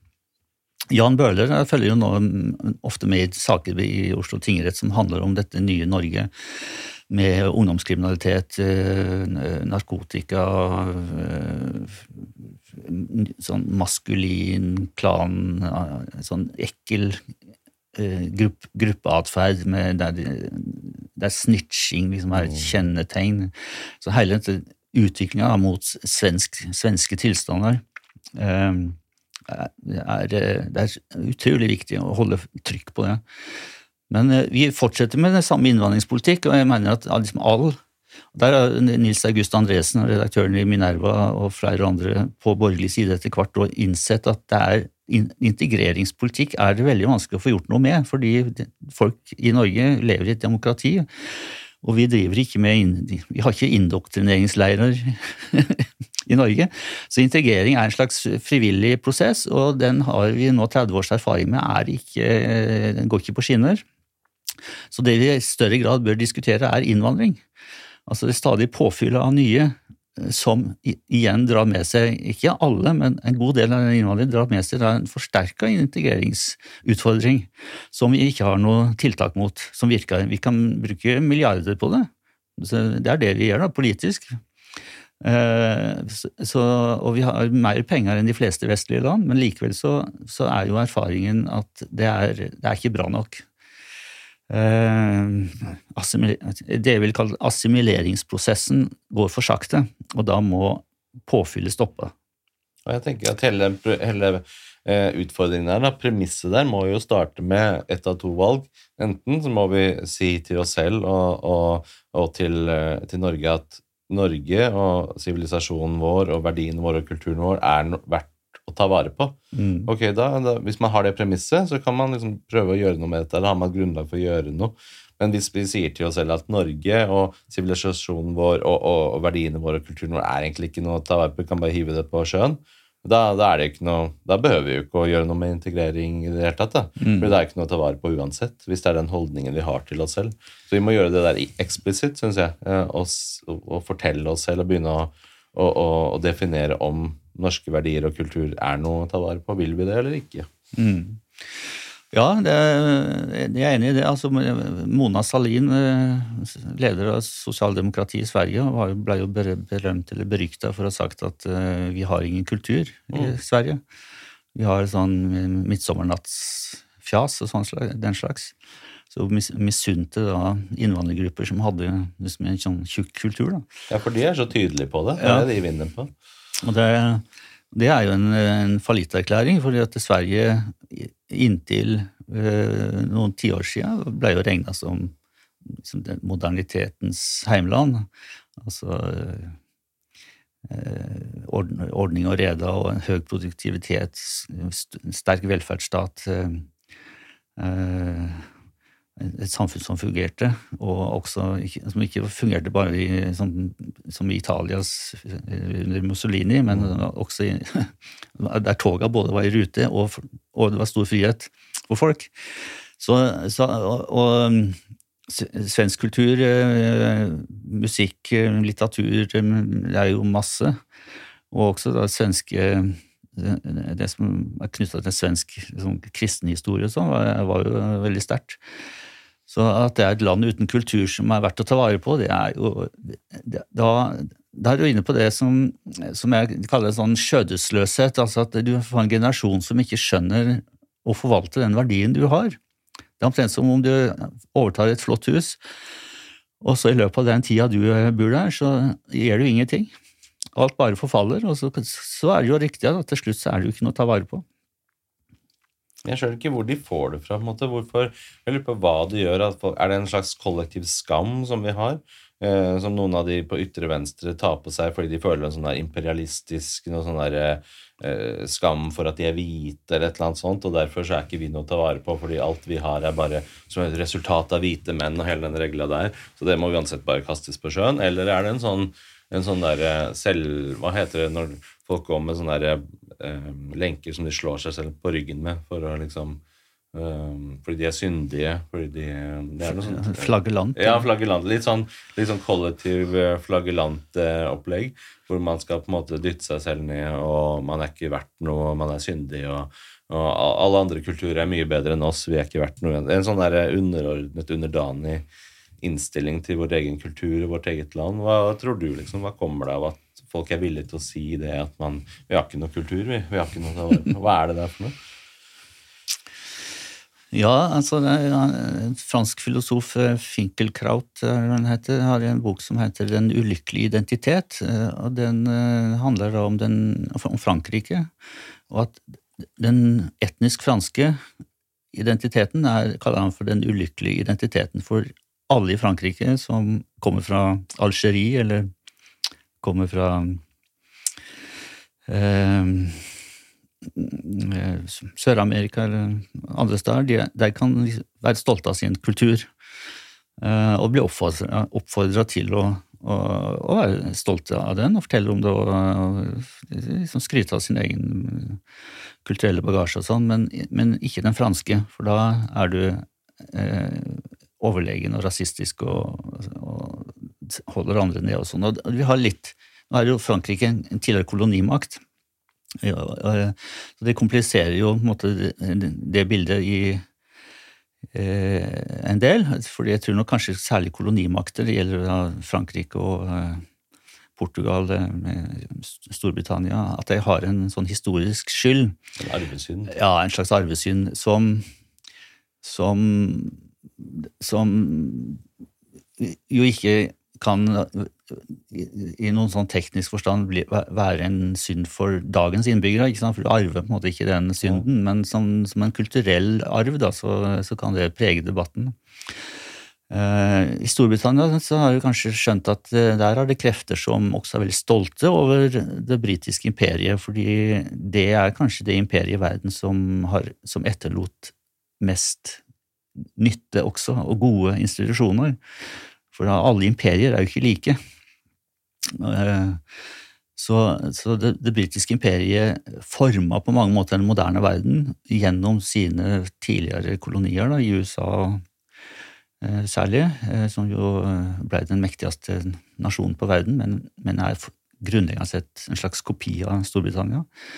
Også Australia, New Zealand, Canada og, og India til dels også forlot jo britene på en måte i, i, i, intakt. Altså, det var ikke som, som, kong Leopold i Kongo, med et sånn utplyndra, eh, voldtatt folk, på en måte. Eh, og det samme med sant, Det verste imperiet var jo nazistiske i fem-seks år. Og det japanske keiserdømmet. Du har noen, og det, jeg vil regne egentlig det osmanske riket som veldig mislykka for de som ble erobra av osmanerne. Eh, så Men eh, at, at, nordmenn skulle ha så mye å skamme seg over, det, det er jo Vi har jo vært et kjent synderegister i Norge òg. Vi har fornorskingspolitikken eh, mot samene. Så har vi altså noen få slaveskip på 1700-tallet. Sammen. Vikinger. Og så, ja, så går det tilbake til førkristen tid, så er det vikingarven, men som jo også er på en måte veldig eh, nyansert framstilt i Norge. De er ikke noen, vi er ikke veldig belasta eller ikke belemra med så mye skyld f.eks. gjennom skolegang. Fordi vikingene er også en, en kultur som, som, førte handel med seg, og de danna byer, og, og, det var tross alt Vikingene levde i en verden som var veldig voldelig overalt. Ja. så eh, Men jeg tror at Norge, og det at Norge ble okkupert under krigen, og at vi hadde 5000 sjøfolk som, som ga livet sitt i kampen mot nazismen og sånn, det har gitt en liten sånn boost i den norske sjølfølelsen, og den mangler Sverige. Så det er det jo veldig mange som tenker på, at det svenske sjølhatet er litt knytta til at de faktisk gjorde ingenting for å nedkjempe nazisme. Kanskje tvert imot var de positive, mm. nøytralt positive til nazisme, særlig de første åra. Og eh, de hadde jo mange eh, troppetransporter f.eks. gjennom Sverige, svenske jernveger eh, opp mot Finnmark. Da går det egentlig an å være liksom, moralsk nøytral og, og, si at nei, vi er bare nøytrale? For da føler jeg da, egentlig, da hjelper det jo. Det går ikke an å være nøytral i en sånn setting som andre verdenskrig og nazistene, tenker jeg. Det er enten mot dem eller med dem. Ja, eh, altså Sveits var jo nøytrale, og, ja. og, Portugal, så det er jo det er flere unntak, men eh, ja, Det kan jo være liksom formelt sett, men jeg tenker sånn moralsk sett. Er du egentlig nøytral, selv om du hevder deg nøytral? Ja. Nei da, men eh, Sverige har, har en eh, De, de har de mista en, en uh, mulighet da, til å være stolte over en krigsinnsats. Riktig. Ja. Det er for å si det, formulere det litt mildere. Det ligger liksom i kulturen. Ja. Du, Skal vi ta en liten pause? Bare fylle på litt vann og litt kaffe og sånt her? Ja. Vi må inn på Israel-Palestina, for jeg har jo sett du skriver jo en del om det også på Facebooken din. og, og ytrer deg rundt dette. Det har vel også vært en del kronikker og sånt, Aftenposten og sånt. Og hva, hva, tenker du rundt situasjonen som vi er i nå, med Israels situasjon og Gaza og Palestina? Ja, det er sant. Er, etter 7. oktober så har jeg brukt eh, min plattform da, til å formidle ja, både fakta og, og synspunkt og, og, og sånn kontekst rundt, eh, rundt, den forferdelige krigen. Eh, først det forferdelige terrorangrepet, eller pogromen, og, og så etter fattig evne dekka dekka utviklingen da, på slagmarken, eh, som jo dessverre Hamas eh, har bestemt at den skal ligge i og under sivil infrastruktur på et tettbefolka Gaza med ung befolkning. Så, så det er eh, sånn overordna så er jeg opptatt av at en av det langsiktige målet må være å, å nedkjempe eh, Hamas og eh, palestinsk islamsk jihad. Eh, og den ideologien som de står for. Så jeg deler liksom jeg deler målsettinga til den israelske regjeringa. Altså at det er få gislene hjem igjen, døde og levende, og nedkjempe Hamas sine militære kapasiteter, og så legge grunnlaget for rett og slett en, en slags kulturrevolusjon på Gazastripen, slik at ikke denne krigen blir gjentatt om fem år. Og jeg syns det er veldig kortsiktig, da, dette kravet som Norge særlig lanserte tidlig, at eh, nå må vi ha våpenhvile. Eh, det er jo et, eh, noe som har vært forsøkt nokså mange ganger, fire-fem ganger siden Hamas tok makta i 2007. Og det har jo bare ført til at krigen gjentar seg. Eh, og eh, det ville skjedd nå òg. Hvis det var våpenhvile, så ville eh, Og særlig kombinert med å åpne grensene, som også noen faktisk foreslår, så ville jo det både liksom, føre til at Hamas utvider eller restaurerer det de har av tunneler, og fyller på med våpen. Og jo verre og større våpen, eller jo flere og, og større våpen Hamas har, dess større blir lidelsene på begge sider. Men i og med at Israel er en så overlegen militærmakt, så vil jo det i, sannsynligvis gå mest utover palestinerne. Så, så, så, jeg mener nå er det en gyllen anledning til tross for de forferdelige tapene, til tross for alle bildene som blir sendt ut eh, fra Gaza, at denne krigen blir ført til endes.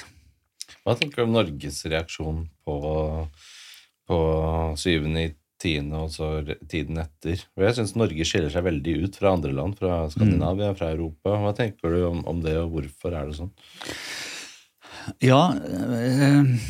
Nei, jeg har jo skrevet at i denne saken så er ikke liksom, Jonas Gahr Støre min statsminister. Jeg føler at vi som ser dette som en kamp mellom sivilisasjon og barbari, som er uttrykket som jeg har fra Sam Harris, at, at det er en It's a bright line between good and evil, rett og slett. Altså, jeg ser ikke dette som en kappestrid mellom to, to som har like mye rett, og at her må vi beskytte sivilbefolkningen som, som hovedformål. Så, så, det er rett og slett eh, en, en kamp mellom eh, som, som, faktisk har det til felles med annen verdenskrig, som er en kamp mellom sivilisasjon og, og, og, og, det gode samfunnet versus en, en folkemordideologi og en, en totalitær eh, ideologi. Altså, jihadisme og islamisme blir jo sett på av mange som som en del av de totalitære ideologiene, sammen med fascisme, kommunisme, nazisme. Og så har du islamisme, som også er en ideologi som ikke opererer med en rettsstat, en eh, demokrati, og at eh, et lovverk er bygget på folkesuverenitetsprinsipp og, og, sånne ting. Så det er en det er eh, en veldig alvorlig krig med, eh, med og Der er det nesten uforståelig at ikke den norske regjering eh, følger Storbritannia, Tyskland USA i en uforbeholden støtte til Israels rett til å forsvare seg, og samtidig selvsagt oppfordrer til å ta hensyn til til sivilbefolkningen. Eh, Men det er jo ikke noe som en trenger å fortelle Israel, egentlig det er jo nedfelt i instruksene og i mentaliteten i IDF at den vurderer alle, iallfall alle planlagte angrep eh, opp mot eh, sånn collateral damage. Så hvis, hvis, det er sånn at for, militære gevinsten av et angrep er for låg i forhold til eh, antall sivile som en må regne med vil bli drept, så trekkes det en operasjon ut, eller blir lagt, lagt til sides. Men hvorfor er Norge sånn? da? Hvorfor har vi så avvikende holdning fra alle andre vestlige land? Eh, jeg tror En ting er eh, en slags sånn politisk naivitet i Norge. At vi forstår kanskje ikke helt alvoret. Eh, jeg kan ikke skjønne annet Det er jo veldig, veldig mange pro-palestinere i palestinske stemmer og, og, og, dels vel også medlemmer da, i, i Palestinakomiteen og sånn, som, som jeg ikke tror skjønner den ondskapen som ligger i Hamas og, og, de gruppene som de facto i dag representerer den palestinske kampen. Mm. Eh, og så er det en veldig sterk tradisjon i Norge de siste åra, siste tiåra, det er å alltid holde med den svake part. Mm. Eh, på, litt sånn på autopilot. Eh, og, eh, men det, det, det er jo veldig naivt, fordi at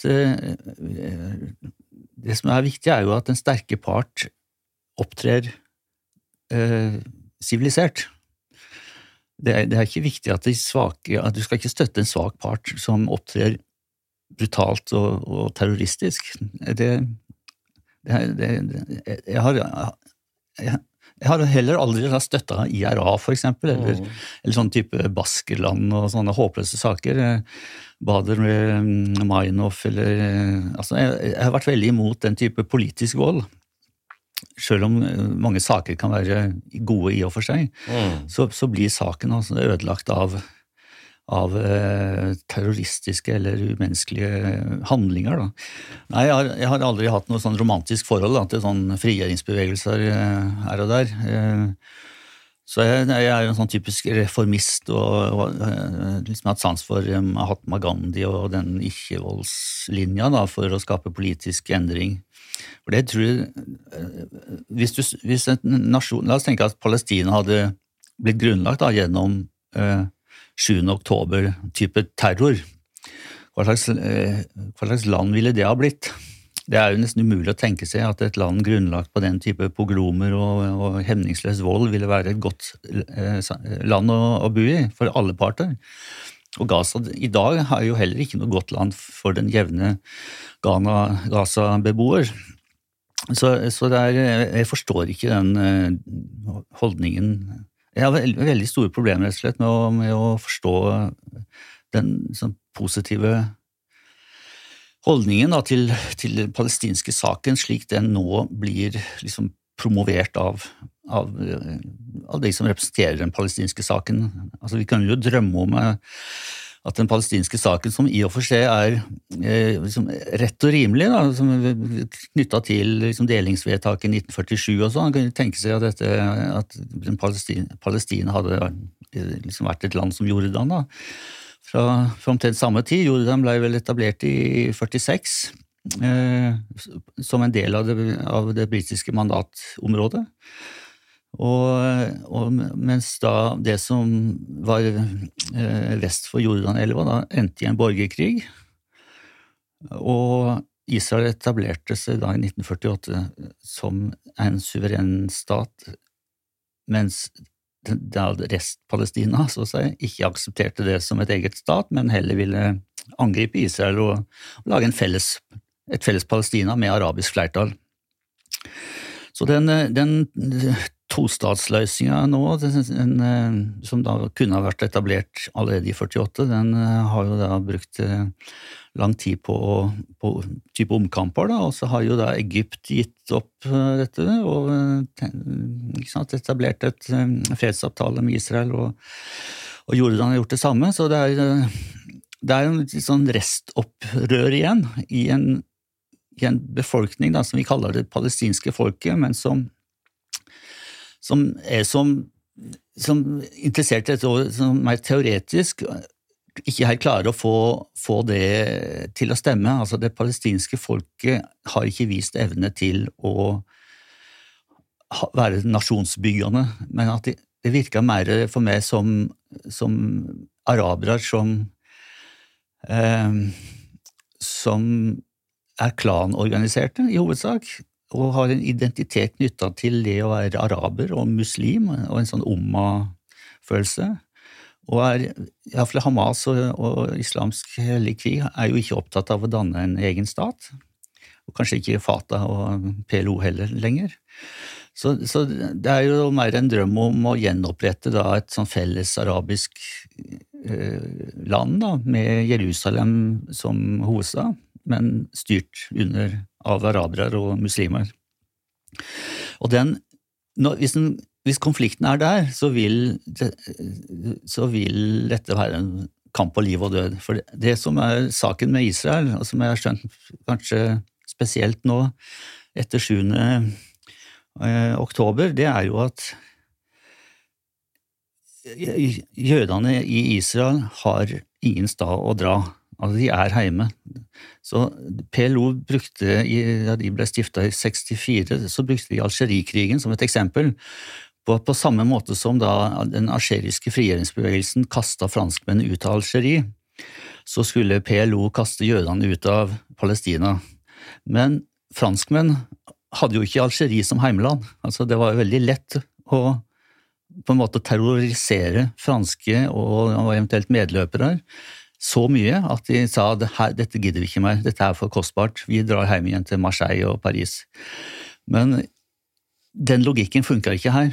Og hvis du da, hvis du som palestiner, og, og, også europeisk palestinatilhenger, tror at det er slik det fungerer, så vil denne konflikten koste veldig mange liv framover. Hva tenker du når folk sier at 'nei, jeg er ikke antisemitt, jeg er bare antisionist', jeg'? Og prøver å skape et skille der på at det er greit å være at man er imot sionismen, men at man er likevel ikke er antisemitt. Hva tenker du om den distinksjonen?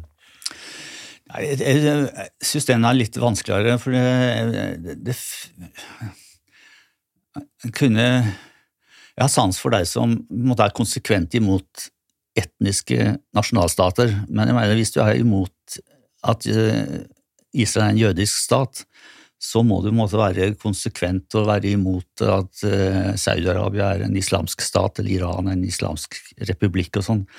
Jeg synes det er veldig vanskelig å, å, å være en sånn antisionist som ikke samtidig er liksom for en sånn type liksom ideell verden, da. Altså, som blir veldig naiv, egentlig. Utopi. Liksom. Utopi ja. Mm.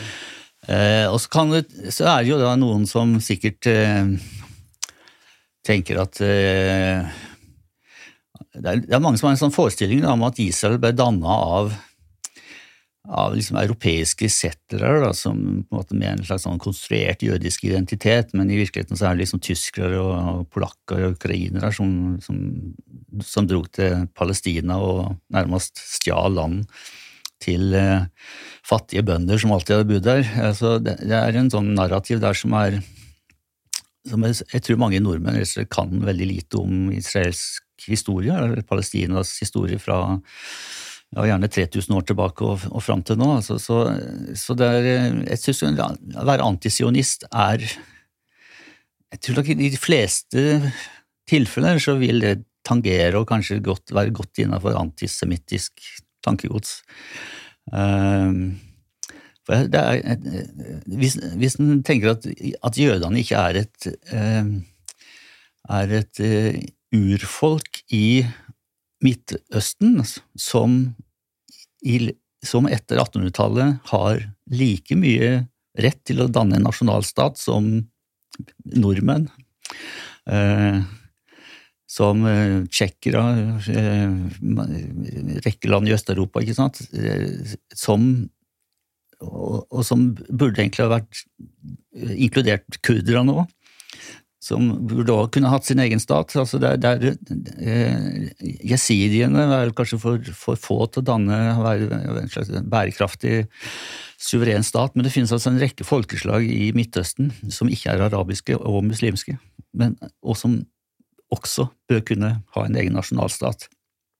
I en verden der nettopp nasjonalstatene ble, ble eh, på en måte standarden. Da.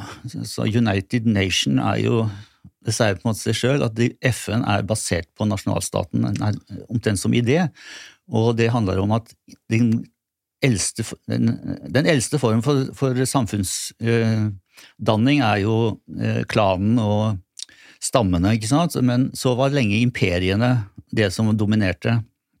Jeg tror Neil Ferguson kaller at verdenshistorien er egentlig en historie om imperier vekst og fall. Eh, men etter 1800-tallet, og særlig etter første og annen verdenskrig, så, så kollapser disse imperiene, og nå er det nesten ingen igjen. Og, og ut av dette så har det da vokst nasjonalstater, og en av de aller mest vellykka nasjonalstatene etter annen verdenskrig er jo Israel. Det er, kan jo ikke være tvil om, hvis du går inn på forskjellige sånne parametere. Så eh, Pakistan er fra samme tid er jo ikke spesielt vellykka. For, for, eksempel, hvis du er imot Israel, så må du være imot Pakistan. For hvorfor skal muslimene med måtte, eh, indisk bakgrunn ha sin egen stat? Eh, det, det britiske India var jo mye større enn India i dag. Men eh, ja, så det er liksom mitt syn på at, eh, at, Israel er en legitim stat, en nasjonalstat som alle andre. Det er ikke noe, er ikke noe rasistisk ved, ved, å være en nasjonalstat. Eh, så det at jøder eksempel kan, kan flytte inn i Israel, men ikke eh, en palestiner fra Beirut, det er ikke noe rasistisk ved det. Det er en nasjonalstat. er jo Forutsetningen for den er jo at det er en nasjon som er i et klart flertall. Og så har, har vellykka nasjonalstater har også minoritetsvern. Og det har jo eh, minoriteter i Israel. Altså det eh, Bahaiene har jo sitt hovedsete i Israel, som ble altså, kasta ut av Iran. Så det er, jo, det er jo så Og når det gjelder økonomi, rettsvesen, eh, natteliv, seksuelle legninger Altså det er, det er en veldig beskytta, sivilisert stat. Det er jo et vestlig demokrati. Ja. og Det er derfor jeg synes det er så rart når NRK for eksempel, rapporterer fra krigen der nede. Da, så er det alltid sånn eh, palestinske styresmakter eller helsemyndighetene på Gaza sier, og da tar man det for god fisk. liksom Så så mange er døde, eller så den og den tingen skjedde i natt og sånn. Mens eh, hvis du skal rapportere noe fra Israels hold, så sier de Israel eller IDF hevder, men dette er ikke verifisert fra noen andre kilder. Det er liksom som de ikke har skjønt at at de burde legge mer vekt på hva et vestlig demokrati uttaler fra offisielt hold, versus hva en eh, terrorgruppering uttaler. på en måte. Mm. At det er likestilt, eller mer i favør av hva, hva um, palestinske myndigheter sier. Og det, mm. det, er, det, er, det, er, jo omtrent som å lytte til Hamas, ikke sant. Så det, Jeg skjønner ikke hvordan en, en, statlig kanal som NRK og journalistene der på en måte kan opptre sånn at de, at de betviler i mye sterkere grad hva Israel sier, enn hva, hva de sier. Ja, Nei, det, det har jeg påpekt også i, i mye sånn mediekritikk som jeg driver med, på, særlig på Facebook. da, At uh, vanlige journalistiske prinsipper her uh, blir jo brutt hver dag. Altså, det er jo ikke vanlig at du, at du stoler på en journalistisk kilde i et diktatur, der du vet at uh, Eh, det ikke er noe pressefrihet, og du vet at eh, eh, terrororganisasjonen som har på en måte tatt kontroll av makta og bygd den ut over lang tid, ikke vil tillate fri dekning, fri presse. Fri, det er en, det som blir omtalt som journalister, eller vårt NRK-team inne på Gaza, det er jo, vil jeg mene er mer rimelig å kalle det for informasjonsavdelingen til Hamas sånn som helsemyndighetene er en forlengelse av Hamas. og, og med, dette er jo folk som med fare for eget liv, og ikke minst familiens liv, eh, er under så stort press at en kan ikke forvente ærlig journalistikk. Vi har jo sett eh, nå Nylig så er jo da UNRWA under hard kritikk, ikke sant? fordi at tolv personer som var ansatt av FNs spesialorganisasjon eh, for flyktninger i, i, i, Palestina har altså deltok på under pogromen den 7. oktober. Og eh, de har ca. 13 000 ansatte. Det må være den desidert største bedriften på Gaza, som er FN-finansiert. Eh, og kan, det er nesten ikke mulig å tenke seg at 13 000 lokalt ansatte i en sånn terrorstat ikke på en eller annen måte er under hælen på den samme terrorstaten. Og til dels også deler de samme verdiene, fordi det er ikke Du kan ikke vokse opp på Gaza uten å tro at jøder er eh, noen vanvittige voldsmonster, eller, mm. og at de har røva landet ditt. Det er det de blir lært opp til på skolen, ja. barna som vokser opp der. Hvordan de har rollespill med hvordan de skal drepe jøder, og i skolebøkene og Ja, og så jeg, jeg har nå lenge ment at, at UNRWA er en helt katastrofe, så, så, som har vært med på å forlenge denne krigen. og, eh, og i, altså i, i veldig altså Ikke bare siste ikke, ikke, bare etter 7. oktober, men altså i veldig lang tid så har de ikke spilt noen konstruktiv rolle. Eh, og at eh, UNRWA i sin nåværende form må, må, være en av de tingene da, som på sikt blir avvikla hvis en skal nå det liksom, tredje målet til Israel, nemlig å, å, demilitarisere Gaza og få til en helt ny kultur, rett og slett, en ny mentalitet. Slik at eh, Gaza blir mer likt f.eks. For De Forente arabiske emirater, som jo faktisk tillater kirker og, og synagoger. Altså, det er en det er ikke noe demokrati, og det tror jeg er feil å innføre noe valg og demokrati på Gaza. Så, så det der har jeg henta plukka opp en idé om at Gaza bør kanskje heller bli et emirat uten valg. For det er ikke valg i arabiske land. altså Det er jo en vestlig idé som har blitt dytta på den palestinske saken. Og det det ofte fører til, sånn som de gjorde i, i, Iran i sin tid, det er jo bare at du, du velger en eller annen religiøs sharia-parti som har valg én gang. And that's it. For du kan ikke liksom fjerne et sharia-parti. De er innsatt av Gud. Og Hamas starter jo tidlig med å drepe sine motstandere også, og da kan du iallfall ikke stille til valg. Mm. For da vil du jo bli drept sjøl. Så, så, hele den derre eh, liksom, godsnakkinga med Hamas og den palestinske ledelsen sånn som den har utvikla seg, det, det, må bare, liksom bare droppe. Og så må den Det er to kanskje sånn statsbyggende elementer i Gaza som man kan bygge på. Det ene er et sånn emirat-tankegang, og da må du finne en Sånn som i Jordan så ble det importert en konge, en hasjemittisk fyr som ble da satt som konge av Jordan. Det er jo et, altså, det er en sånn typisk arabisk løsning. Da. Det andre er klan. Eh, altså, det er en, den største klanen på Gaza. Klanlederen der blir emir. Og så er det ikke noe valg. Ferdig med det. Og så blir den klanen bevæpna og tar seg av sikkerheten. Det så det er, det er, kanskje to sånne realistiske politiske løsninger, iallfall sånn på kort sikt, og, uh, som jeg ser. Og, det å revitalisere den palestinske autoriteten på Vestbredden, som, som ble kasta ut i 2007, og som har uh, da 17 års erfaring som korrupt og udugelig, det den, tror jeg heller ikke noe på, men det har liksom vært den amerikanske ideen, da. Og så Du nevnte UNBRA, og det er interessant eh, i forhold til hvordan NRK rapporterer. fordi det, det, ble jo sånn at mange nå store land, USA, jeg tror Frankrike, England, jeg husker ikke nøyaktig hvem, men store land eh, kutter nå støtten til UNRWA som følge av disse avsløringene. Mm. Og dette ble jo også rapportert i NRK. Og da ser man den vridningen eller perspektivet de tar på det, er hvordan nå man skal uh, stikke kjepper i hjulene for UNRWA og ødelegge for dem med å kutte mm. støtten. Liksom sånn, som om vi prøver å boikotte UNRWA. på en måte, At det, det blir vridd som en sånn ideologisk greie? At vi vil ødelegge for de på Gaza eller et eller annet? Ja, altså jeg, jeg, fant jo en kilde fra det israelske regjeringsapparatet. Da, som, eh, det er en egen organisasjon som koordinerer Israels eh, ansvar for de okkuperte områdene. Eller de kaller det ikke okkuperte, men for Vestbredden og Gaza.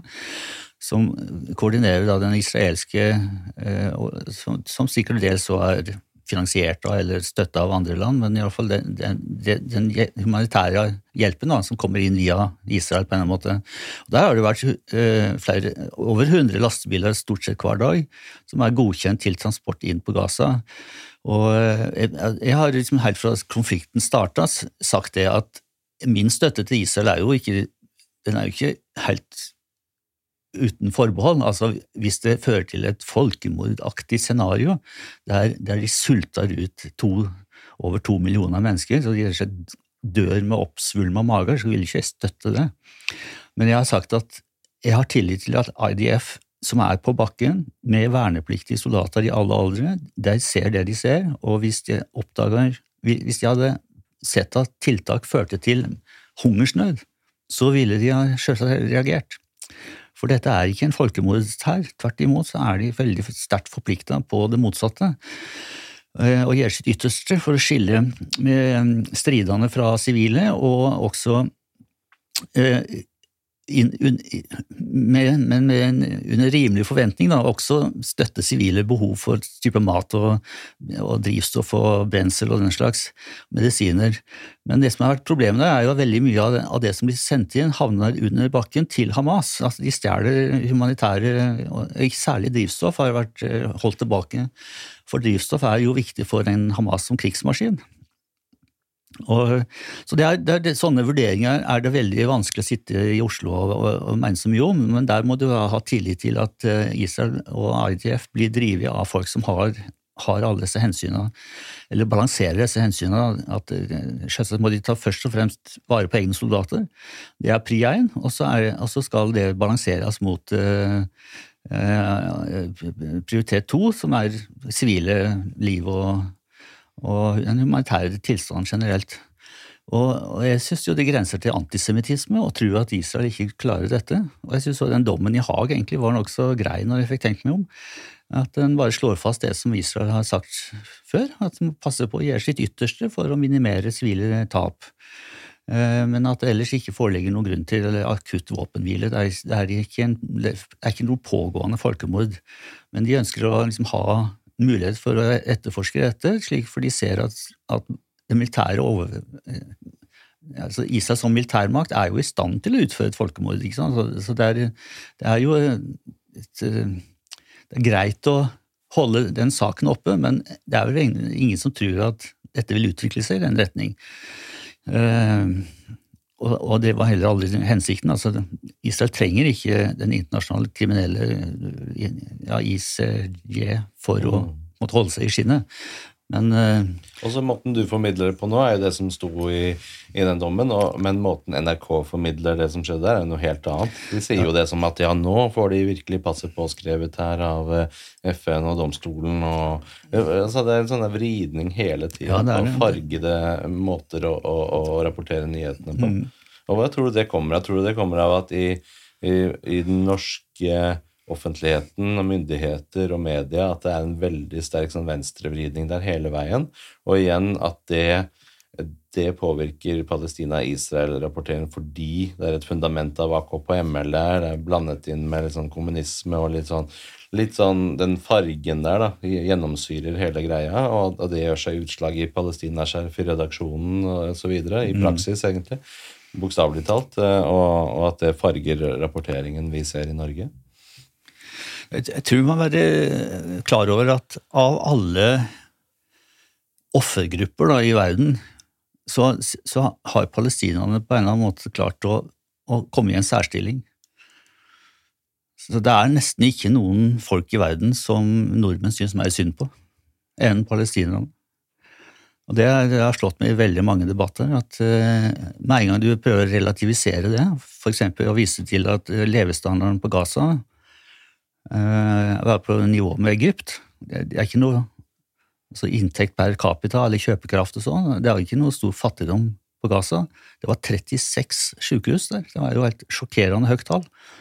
Det er jo, en, en, det er jo ingen flyktninggruppe som har fått mer penger per capita, eh, og det har foregått helt siden 48.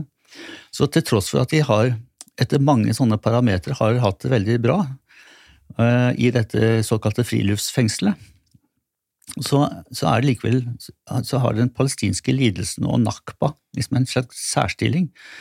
Som om ikke etter annen verdenskrig det var millioner som ble forskyvet og, og mista hus og heim. Det, og det er helt utenkelig at eh, ti uh, millioner tyskere skal tilbake til Øst-Europa. Uh, men likevel så er det sånn en forestilling om at uh, det, det, landet den leiligheten, huset, gårdsbruket som en oldefar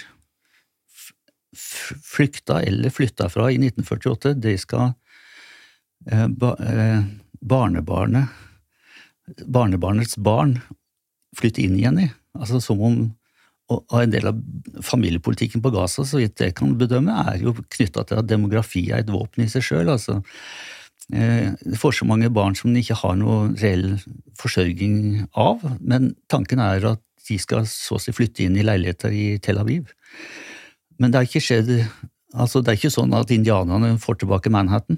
Det er bare Tida har gått. på en måte. Ja, ja, sånn er det, liksom. Ja. Man kan ikke sitte og se på dette som at dette er noe vi fortsatt kan reversere. og sånn, sånn som jeg, Når jeg ser på debatten med Fredrik Solvang og sånn, så ser jeg bare For det første så er det valget av gjester er alltid på en måte vridd mot venstre, og det er alltid vridd mot stakkars Palestina liksom hele tiden. Jeg husker jeg bet meg merke til når han Boten Schøn ble jo intervjuet der, og han sa jo at ja, kanskje vi burde egentlig gå tilbake til 1948 og se på opprettelsen av staten Israel, at det er der vi må ta problemet ved rota, på en måte.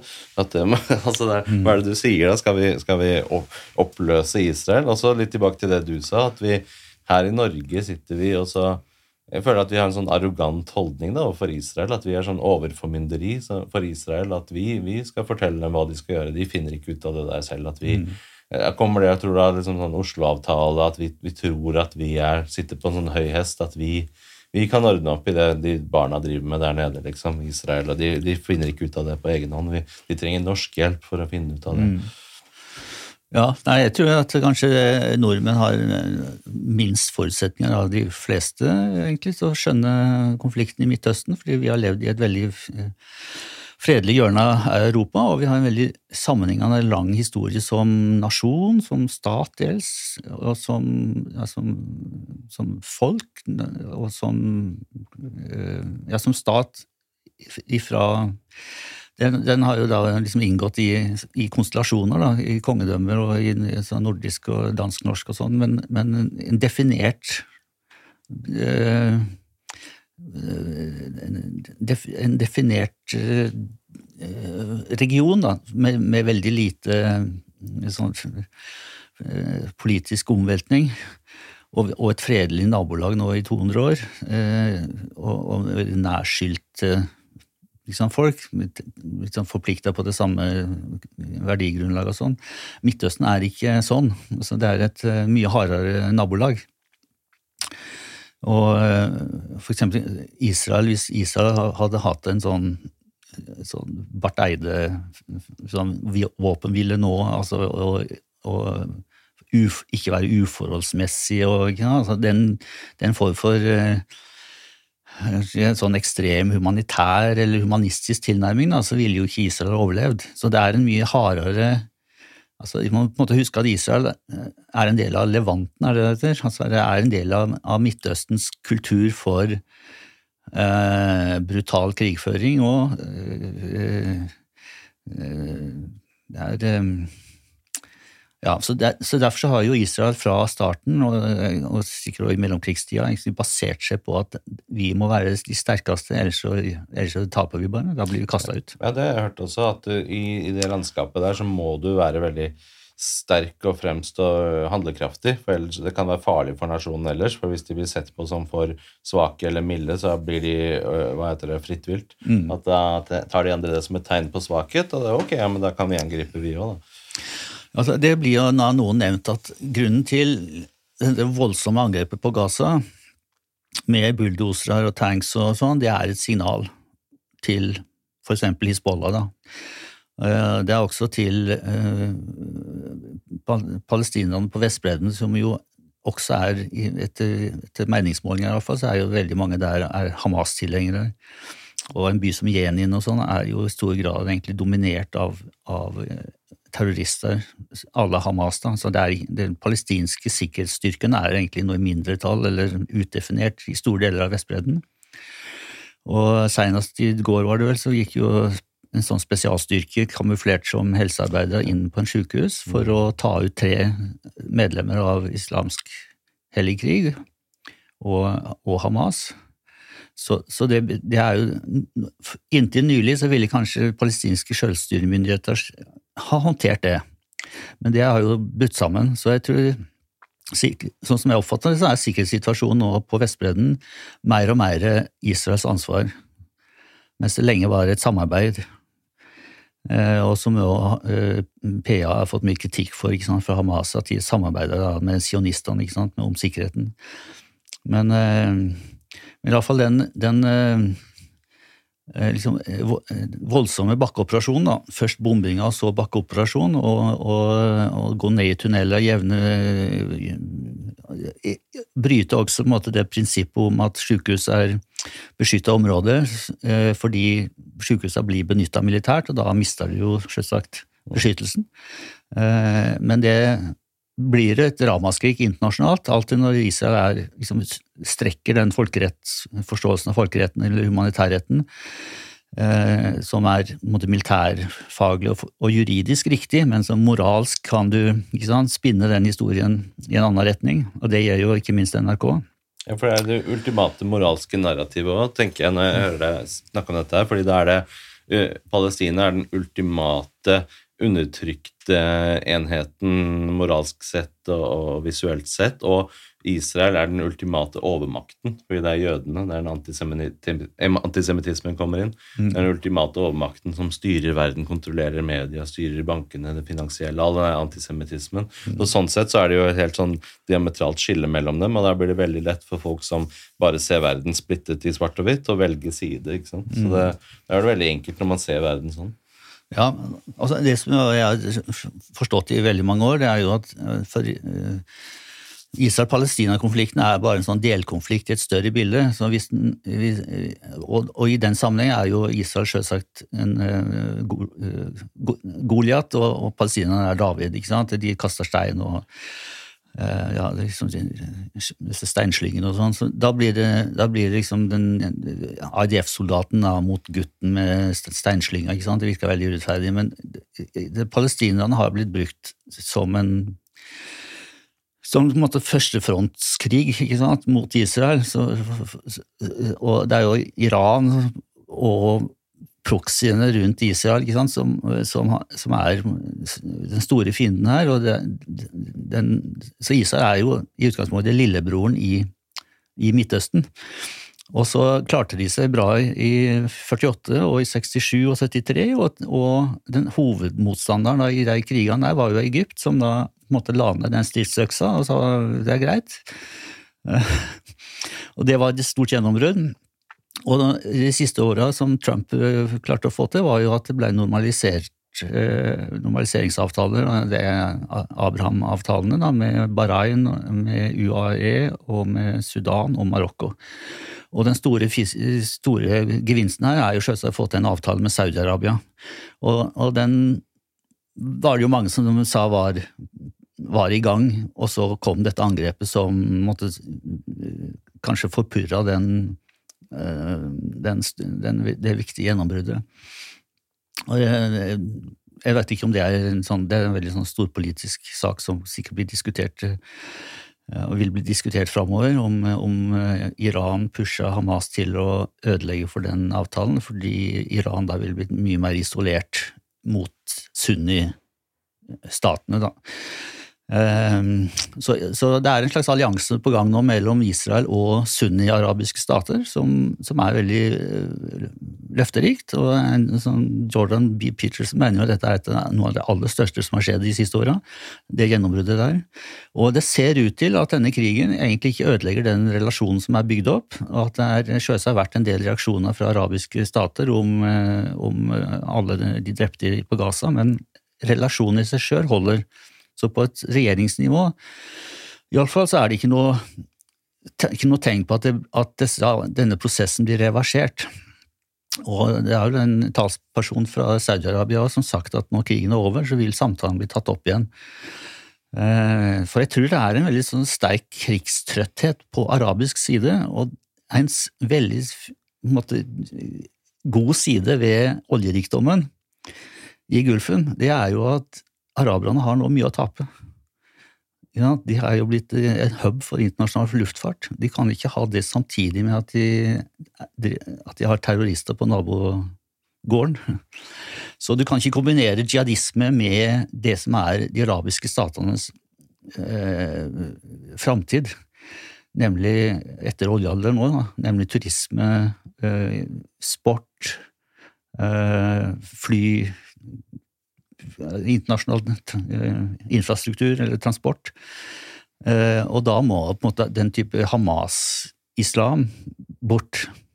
Det blir sett på litt sånn gammeldags nesten, at de kan ikke ha sånt i bakgården. Liksom. De må kvitte seg med ja. kriger og Vi vil ha penger, vi vil ha innflytelse, vi vil ha, vi vil ha sport og idrett og turisme. Ja, altså De har lyst til å gå i en sånn Dubai-retning, alle sammen. Ja. De vil være mer vestlige og moderne. og Kan ikke drive av krig og holde på sånn barbarisk da? Nei, da, det, det som vil gå imot det, da, det, det er sånn bin Laden-typer ikke sant, som, som, vil mene at dette er islams eh, undergang, nærmest. At det, blir sånn dekadent rikmannsislam. Eh, der islam blir for meg en sånn seremoniell rolle. Eh, så det, det, kan ikke se bort fra, at, at det vil oppstå sånn type terrorceller à la Al Qaida. Men Hamas er jo mye mer enn Al Qaida. Altså det er jo en politisk eh, parti med en militær fløy, og som har et charter eh, som velger døden framfor livet. Altså er bare dedikert til, til, å slåss og krige mot Israel. Det er liksom det er eh, prinsipprogram i et nøtteskall. Og det, det, lar seg jo ikke forene med eh, framtida til Midtøsten ellers. Det syns jeg er så rart når vi vet alt det der. Hvordan kan Norge da være så vennlige mot den siden og så tydelig ta avstand fra Israel? Tror du det handler om antisemittisme? Altså, eh, jeg tenkte at jeg har et sånn rikt nettverk inn mot etnisk norske og en stor familie og eh, vært i veldig mange miljøer. Jeg klarer liksom ikke helt å skjønne at vi er så antisemittiske. Altså, jeg, jeg, jeg, jeg, har møtt noen få som, som sier sånn 'Hallo, jødene er sånn og sånn.' Du vet, i, i USA, vet du, Federal Bank, det er mange jøder. Det er veldig få, men han, altså, Det er omtrent sånn at du blir snakka til i en bakgate, fordi det er jo ingen som får dette på trykk. Eller, og de er jo gjerne 80 pluss eller 70 pluss, altså en sånn generasjon som er nesten sånn prega av en slags sånn mellomkrigs eh, som var ikke veldig utbredt, men kanskje eh, ja, Versjoner av det var kanskje utbredt, men sånn i det, det var tross alt ikke veldig mange medlemmer i Eller mange stemmer til, til nasjonal, til nasjonal samling. Nasjonal samling ja. Eh, og jeg, jeg, regner jo med at det ville jo ikke blitt deportert en eneste jøde fra Norge hvis, hvis ikke vi var okkupert. Altså, det, det var ikke noen drive i Norge på å få bli kvitt jødene i 1942. eller 42 eh, på egen maskin. Så det var en effekt av av eh, okkupasjonen og manglende da eh, ryggrad, kan du si, da, i, i politiet og sivilsamfunnet ellers, sjøl om det faktisk var vel en var det to, en tredel, to tredjedeler som ble redda over til Sverige. Mm. Eh, med så stor fare for eget liv. Og, og danskene ble, har jo fått skryt, men det, den transporten fra Danmark skjedde jo et år etter. Så, og litt enklere å gå over eh, Kattegat, er det heter, til sundet til, til, Sverige. Så danskene var, var, mer oppmerksomhet rundt det, og de hadde litt bedre tid til å få det til. Da. Men eh, nei, hvis det var et veldig utbredt antisemittisme i Norge så ville det jo vært vanskelig å få til den evakueringa som tross alt skjedde. Ja. Hva tror du i dag, liksom? Hvorfor er vi med Støre og Barth Eide, og hvorfor er vi så anti-Israel? Ja, hvis en, hvis en setter parentes rundt eh, grov antisemittisme som årsak, fordi den, den, er veldig vanskelig å finne eksempel på, rett og slett. Eh, så da må han inn, igjen, inn i dette med å holde med den svake part, eh, liksom det narrativet om det palestinerne som liksom er eneste folk, flyktninggruppa som aldri har fått eh, liksom, fått, sin, fått rettferdig behandling. Altså, men det er på en måte omvendt.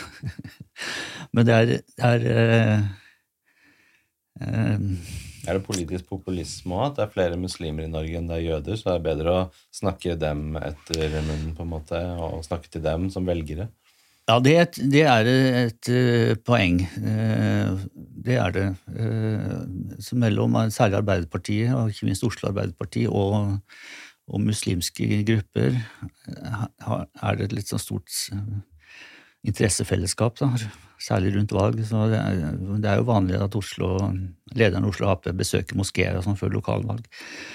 Uh, og jeg, jeg har noen beregninger på sosialdemokrati i Sverige som var det samme. altså At opp mot 20% av stemmene til sosserne kommer fra disse uten, utenforskapsområdene. Kommer altså fra drabantby Sverige, som er, i hovedsak er muslimsk. Ja, Hvis Støre da begynner å bli veldig pro-Israel og ta avstand fra palestinske interesser, så mister han jo veldig mange velgere. Mm. Ja, da, og dette er også en grunn til at jeg har ment at, eh, at masseinnvandring til et demokrati er mer problematisk enn masseinnvandring til et imperium. fordi at du får med det, det er ikke bare at du får nye innbyggere, nye, nye arbeidshender, men du får nye velgere. Så du kan liksom endre den politiske kulturen i et land. Og, og i, både i positiv retning, hvis vi, la oss si vi var et mangelfullt demokrati, da, så innvandrer mange med en demokratisk kultur, så ville det vært en fordel. Men vi er et veldig velutvikla demokrati, fredelig, eh, vant til å håndtere ting gjennom kompromiss og debatt og forskning. Og hvis vi da får masseinnvandring fra folk som er vant til å demonstrere i gatene og true og uh, si at vi må forholde oss til en religiøs tekst og ikke til sunn fornuft, eller juridiske prinsipper, så er det klart det preger Det vil prege landet. Fordi, nettopp fordi alle velgerne har ei stemme. Så det er jo en veldig bekymringsfull side ved f.eks. et land som, som, både Frankrike og, og Storbritannia. Man ser at Labour har jo hatt et stort problem med antisemittisme, og kan jo bli regjeringsparti, for de er i det topartssystemet i, i Storbritannia så er så er det å få kontroll på et av de to store partiene er jo veldig alvorlig. Men Hva syns du i Norge om at UD sendte brev til kongehuset om at kongen ikke burde sende noen støtteerklæring til Israel etter 7.10.? Ja, Ikke støtteerklæring, men en vanlig kondolanse. Ja, kondolanse. rett og slett. Jeg syns det var skammelig, det må jeg si. Og det tror jeg kongen tok seg ære av. Uh, men det er, det er, jo da en utenrikspolitikk der, der kongen ikke har siste ordet. Så den instruksen der syns jeg var skammelig. Og, og det, er, den, det er jo mange som spekulerer i at norsk UD har en sånn drøm om å, om å liksom være diplomatene som, som løser Palestina-konflikten, altså forlengelsen av ta opp igjen Oslo-prosessen og, sånn. Men jeg tror Norge her som sagt er, har veldig liten forståelse, har en, har en mangelfull eh, oppfatning av Midtøsten, rett og slett. Eh, og at det norske diplomatiet her bare kan pakke sammen og overlate dette til andre. Eh, og den, i, i den grad eh, norsk regjering håndterer Israel- eller Gaza-krigen nå på en måte som gjør at de skal kunne snakke med alle parter etter krigen, eh, så jeg det er et blindspor. Det, det fører til at jeg syns Norge dummer seg ut. Eh, men det, det, de kan òg Du ser jo sånn pro-palestinske demonstrasjoner i mange, mange, land, også i Norge, har en sånn aggressiv tendens som, som gjør at politikere kan kvie seg. Eh, og i Frankrike med er det fire eller åtte millioner muslimer, så har de jo rett og slett eh, ikke god, god, godkjent retten til å demonstrere av hensyn til ro og orden, at det kan bli At det kan ta av. Og for eksempel at, at, at, det ender i en sånn type ny krystallnatt. altså det går utover jødisk eiendom og firmaer og folk. Det er absurd å tenke, så Jeg skulle tro vi hadde lært av andre verdenskrig og, og aldri igjen, på en måte, og hvite busser og opplysning på skoler og, ja.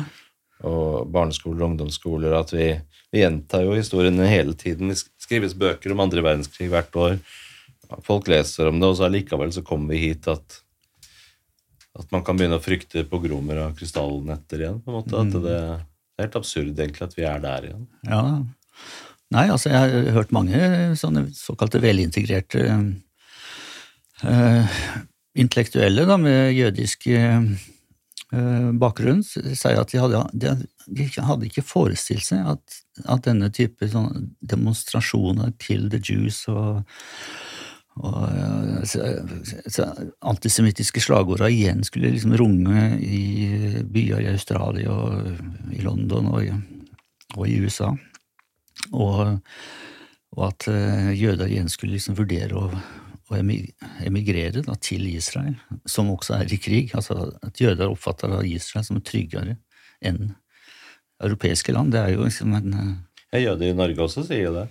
At de vurderer å flytte til Israel. Og ja. de som er der, vurderer å ikke komme tilbake igjen til Norge. For de opplever det som tryggere ja. være i Israel, bo i Israel. Ja, ja det er jeg, jeg, jeg har jo i den innvandringsdebatten meint hevda det som et poeng i den massive islamske innvandringen, at det vil gjøre jødisk liv i Norge mer utrygt. Det er en omkostning som de som ser på dette som det er sin humanitær plikt da, å ta imot flyktninger fra islambeltet, må også ta på sin kappe.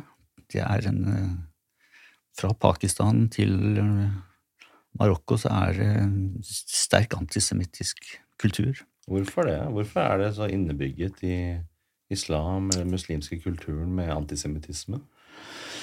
Nei, er, mange vil jo koble dette til liksom, tekstelementer da, i Koranen. Eh, at det er, eh, at det er den liksom, skuffelsen som eh, da Mohammed visstnok hadde over at de jødiske stammene ikke lot seg begeistre og, og omvende seg. Det er, så det er jo en del heftige passasjer i Koranen og i annen islamsk litteratur. og om eh, at jøder er noe du ikke kan stole på. Ja, den slags. Ja, jeg har jo vokst opp på Furuset her i Oslo selv. Og der var jo Et av de vanligste skjellsordene der er jo nettopp jøde. Mm. Og at du bruker det synonymt som drittsekk eller du er dum. liksom, så, din jævla jøde, ikke sant? Det er bare en sånn akseptert, vanlig sjargong. Mm. Og det bør ikke være rettet mot noen som er jøde eller mistenker for å være jøde. Det er bare å kalle hverandre og at det er sånn nedsettende terminologi da, som er helt sånn integrert ja. i språket. Ja, jeg skrev jo en samtalebok med innfødte nordmenn i Groruddalen i 2015 som heter 'Fremmed i eget land', og der var det jo flere informanter som var innom det med jøde som skjellsord. Eh, og homofil.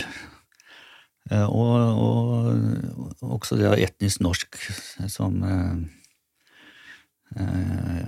Ja, hva var skjellsordet for det? Det var Potet. Potet, ja. Mm. Eh, norsking Jeg husker ikke, men det var iallfall det var liksom fritt fram da, for fordommer som vi vil kalle fordomsfulle, fordomsfull, diskriminerende eller rasistiske, om de hadde vært ytre av noen andre enn nettopp liksom den gruppa som har fått lov å være både undertrykt og urettferdig behandla og diskriminert, og sånn, og som derfor har et slags frikort i mange sammenhenger. Ja, for rasisme, Det takler jo ikke venstresiden den ideen om at rasisme går begge veier.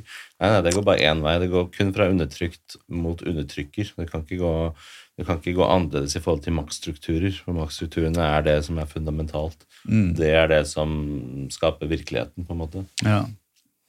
Um, Men nei, for En som Walid al-Kubaisi, som ja. uheldigvis døde altfor ung, han eh, understreka eh, i noen sammenhenger at eh, må huske på det at en, en truende muslim som, ikke er ikke eksmuslim eller frafall, men går i moskeen og er en del av, av liksom, ommaen, også i Norge, er en del av et flertall i sin egen familie, en flertall kanskje i boligblokken, kanskje det stor, største mindretallet på skolen, i bydelen, og hører til nest største religiøse gruppa i verden. Altså, hvorfor i all verden skal denne personen bli omtalt som en sånn eh, ospeløv som, ikke har, ja, ja. som er synd på?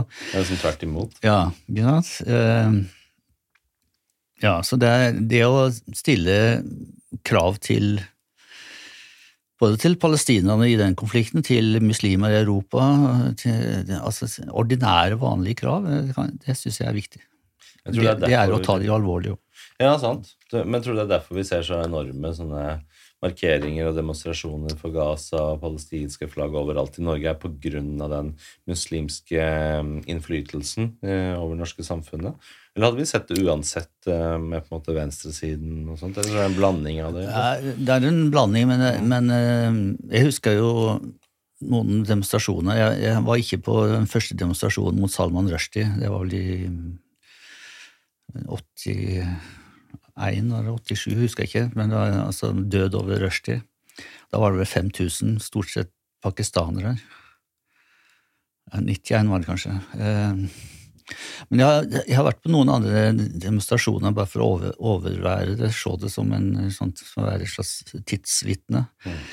Eh, og sånne demonstrasjoner er jo veldig mørke i huden. altså sånn Hovedbildet når du ser det, er med, med en type pakistanske klesplagg eller det er hijaber og ikke sant? Det, det har det preget. Men det, men det, er også den vanlige norske raddis-deltakelsen. Ja, det er de to, liksom. Ja.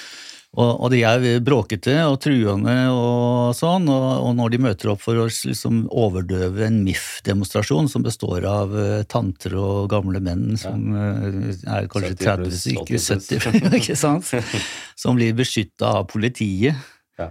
Nei, jeg syns det er skammelig. Jeg blir, jeg blir veldig, jeg synes det er veldig kritikkverdig. og hvor er egentlig de der vanlige norske nordmennene? Hvorfor, for det er en sånn stille majoritet med stilltiende, som sitter rolig i båten, som ikke tør ja. å liksom si noe. Men når det gjelder liksom, eh, stemningen i Norge og i mange andre land, så er det nok Det er en mediekrig her som Hamas har, har vært veldig proffe eh, til å drive. Som du nevnte, så, så har jo fotomateriale, intervjuer og sånn fra Gazastripen eh, blitt korporert av NRK og veldig mange andre sånn broadcast-selskaper. Også New York Times var tidlig ute med den fake-historien med den eh, raketten som ramla ned på en parkeringsplass ved et sykehus, og, og, Hamas sa omtrent etter fem minutter at fem, 500 er døde, og, og, her ser du hva IDF holder på med. Og uten å måtte vente på en bekreftelse av det, eh, så trykte jo faktisk mainstream media dette og formidla det, og i løpet av en, den kvelden og natta så sto den versjonen på en måte uimotsagt. Og selv om det etterpå har blitt lagt fram veldig klare bevis på at det var en rakett skutt ut fra Gaza sjøl, som kom ut av kurs og, og traff eh, egne folk, så, så, er den type bilder bare fortsatt å strømme ut, og vi tar det for god fisk, eller de som bestemmer, de som er portvokterne i media, bestemmer at dette er solid vare. Og det er klart at du må være nokså du må være nokså mediekritisk da, og fokusert på en måte, krigens årsaker og begrunnelse for å ikke la deg rett og slett bare rive med av døde barn. Altså, det er det som blir kalt for the dead baby strategy, ja. som er det er, det er, eh, Vi må ha en porsjon altså Hvis du skal hvis du skal forholde deg til en konflikt der den ene part er fullstendig kynisk, så må du sjøl mobilisere kynisme. Det er det som jeg iallfall gjør. Jeg ser bildene, jeg syns det er forferdelig.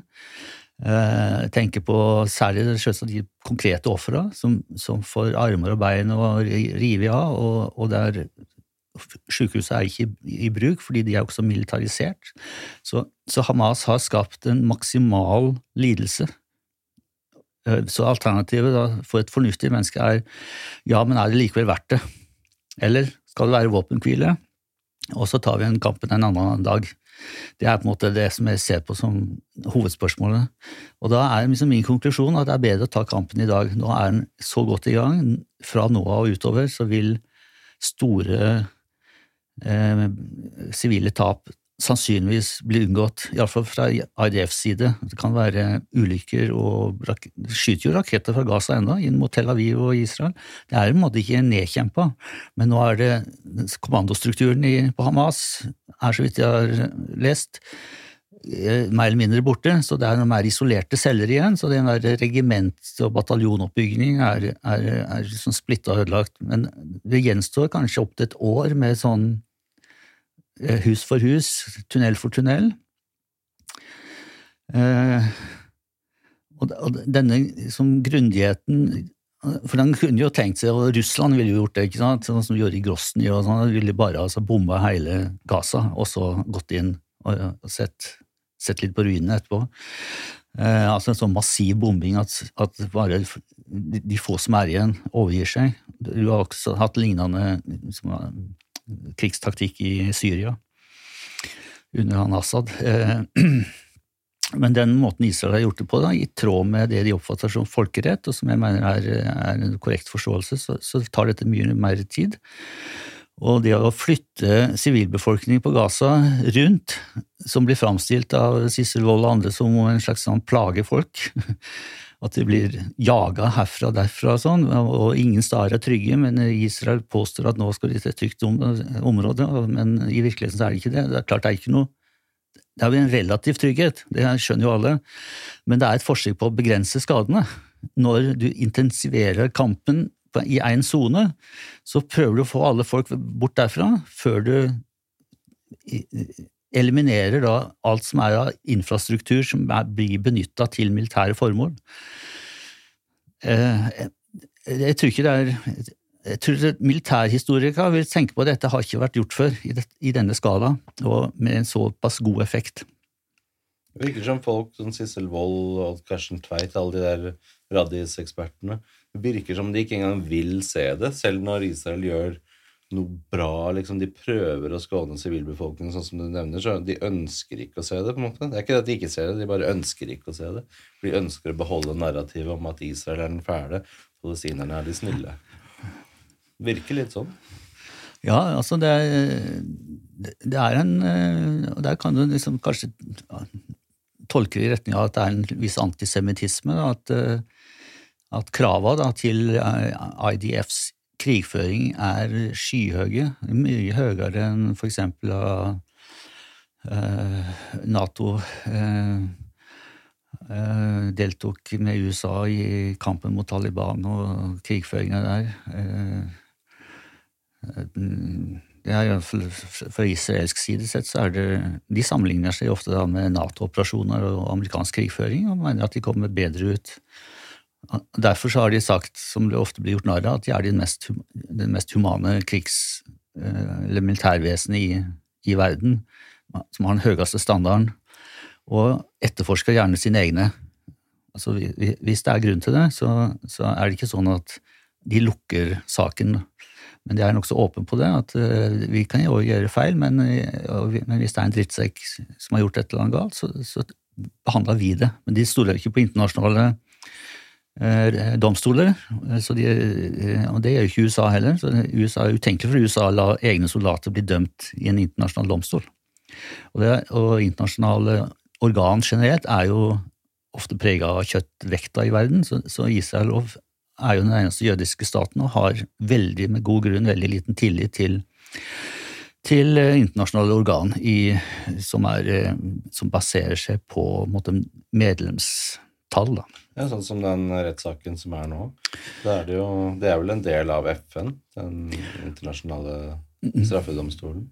Ja, den er jo utnytta FN, og eh, den, eh, jeg, var, jeg, kom jo over den litt pussige eh, pussige poenget da, at den den dommeren som var utnevnt av Uganda, hun var den eneste som avviste alle punktene. Det er interessant. Hvorfor tror du det? og til og med han, altså det, Begge parter har også en dommer, da, så i utgangspunktet er det 15 faste. og så Begge parter utnevner hver sin. Men den israelske dommeren, som var utpekt av den israelske regjeringen, var jo da enig i to av de tiltakene, men også sånn snille ting. da. Ja. Uh, men, eh, men, jeg tror det, det jeg har skjønt av den rettssaken, er at Israel egentlig De synes på en måte anmeldelsen, klagen da, fra Sør-Afrika, i seg sjøl er smertefull altså, og, og, og urettferdige. Altså at det landet som i dag eh, beskytter den befolkningen da, som er grunnlaget, årsaken omtrent, til folkemordkonvensjonen, skal bli anklaga for folkemord sjøl. Det, det, det, er noe det er noe der som er ja, som jeg skjønner at israelerne reagerer på, men når, når, da faktisk dette har skjedd, så er det jo mange som mener at Israel prøver å snu det til en fordel. Da får de en arena til å legge fram sånn. det de har av beviser på det motsatte. Som hele verden har fokus ja. på og vil rapportere fra med bevisene. Ja. Så det er jo en fordel sånn, egentlig. Ja. Mm. Så, og, og, hvis du ikke har no, noe å skjule, altså bortsett fra at selvsagt det skjer feil under krig, og, og kan bruke eh, kan vise seg at en, en bombetype eksempel, var unødvendig eh, kraftig i mange situasjoner. Det er vel, tror jeg sluppet var det 10 000 bomber. Det var et kolossalt antall. Og, og det, det, det, var da på et tidspunkt der det ble, da de Hamas-kontrollerte helsemyndighetene sa det var 10 000 drepte, så da var det altså én person per bombe. Mm. Så i seg sjøl nokså imponerende, da vil en sånn kynisk militærfaglig tankegang eh, konkludere med. Men, eh, men eh, jeg tror når ting er så galt som de er, så måte er den israelske mentaliteten her da at vi legger oss ikke ned og klager da, da skal vi faen meg slåss eh, på denne scenen også.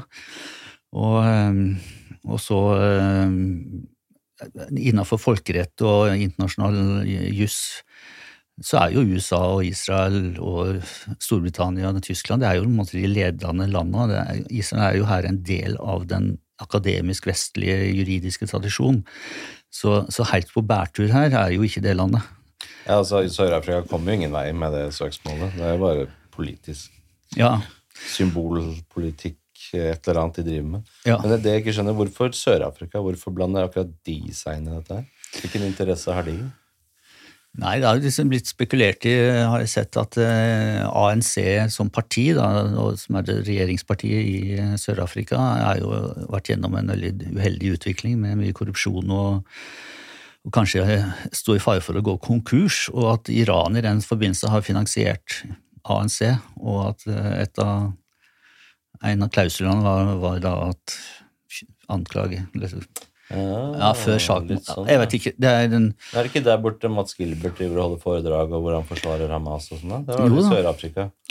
Jo, det var i Sør-Afrika. Ja, så kanskje det er ikke så helt tilfeldig heller, at det var akkurat Sør-Afrika som inviterer han til å komme og holde foredrag der.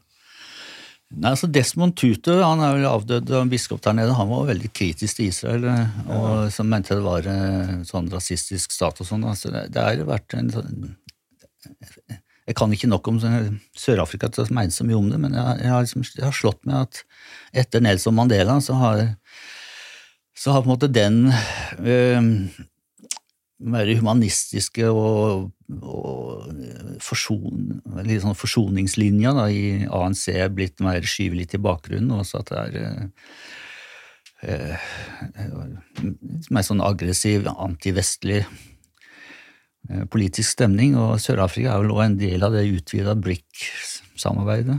Jeg skjønner ikke liksom Sør-Afrika med sin historie, hvordan kan de anklage Israel for eh, apartheidstat? og Altså, Israel er jo alt annet enn en apartheidstat. Der lever jo muslimer, arabiske, eh, jøder, kristne. Alle lever jo sammen.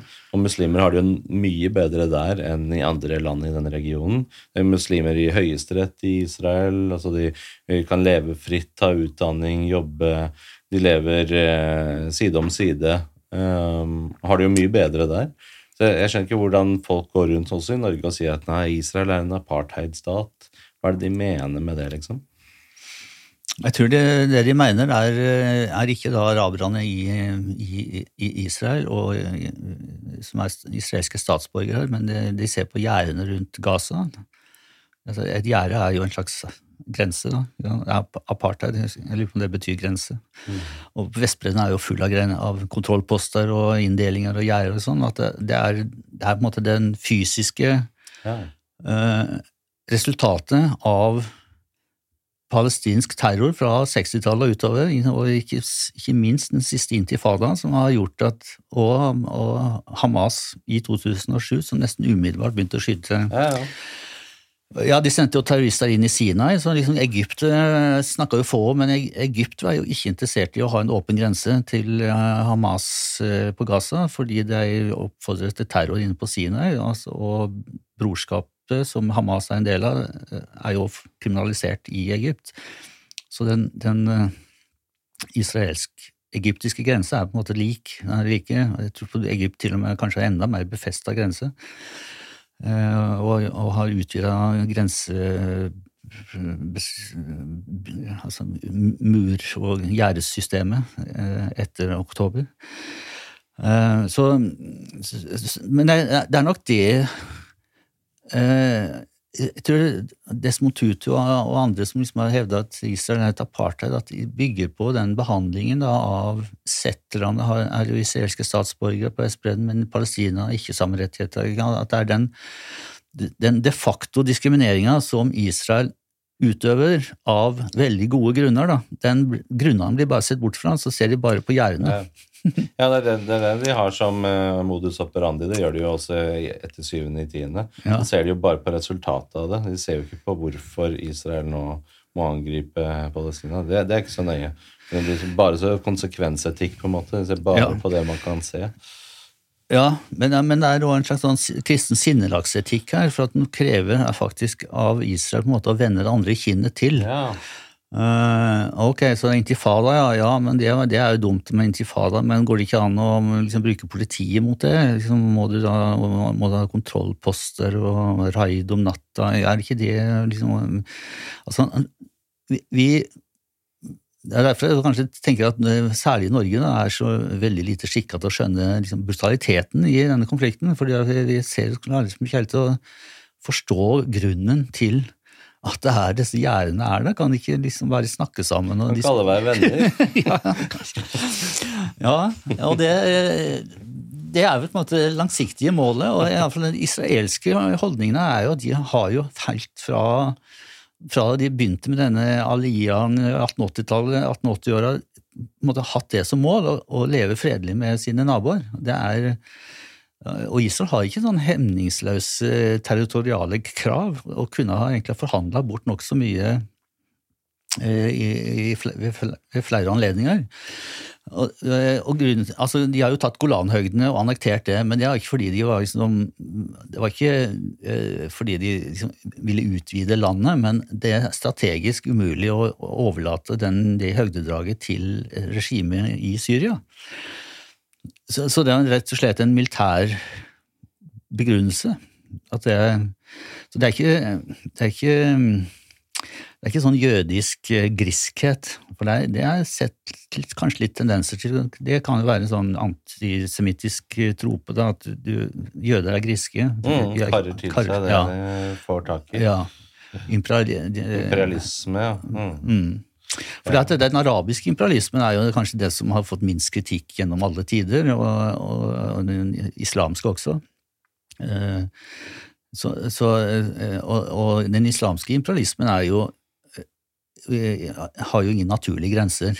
Det er derfor det er blodige grenser i mange i Afrika, Nigeria f.eks., eh, i Sørøst-Asia. Så islam og, og forståelsen av islam og Allah som Gud for alle At vi egentlig alle er født muslimer, så vidt jeg har skjønt.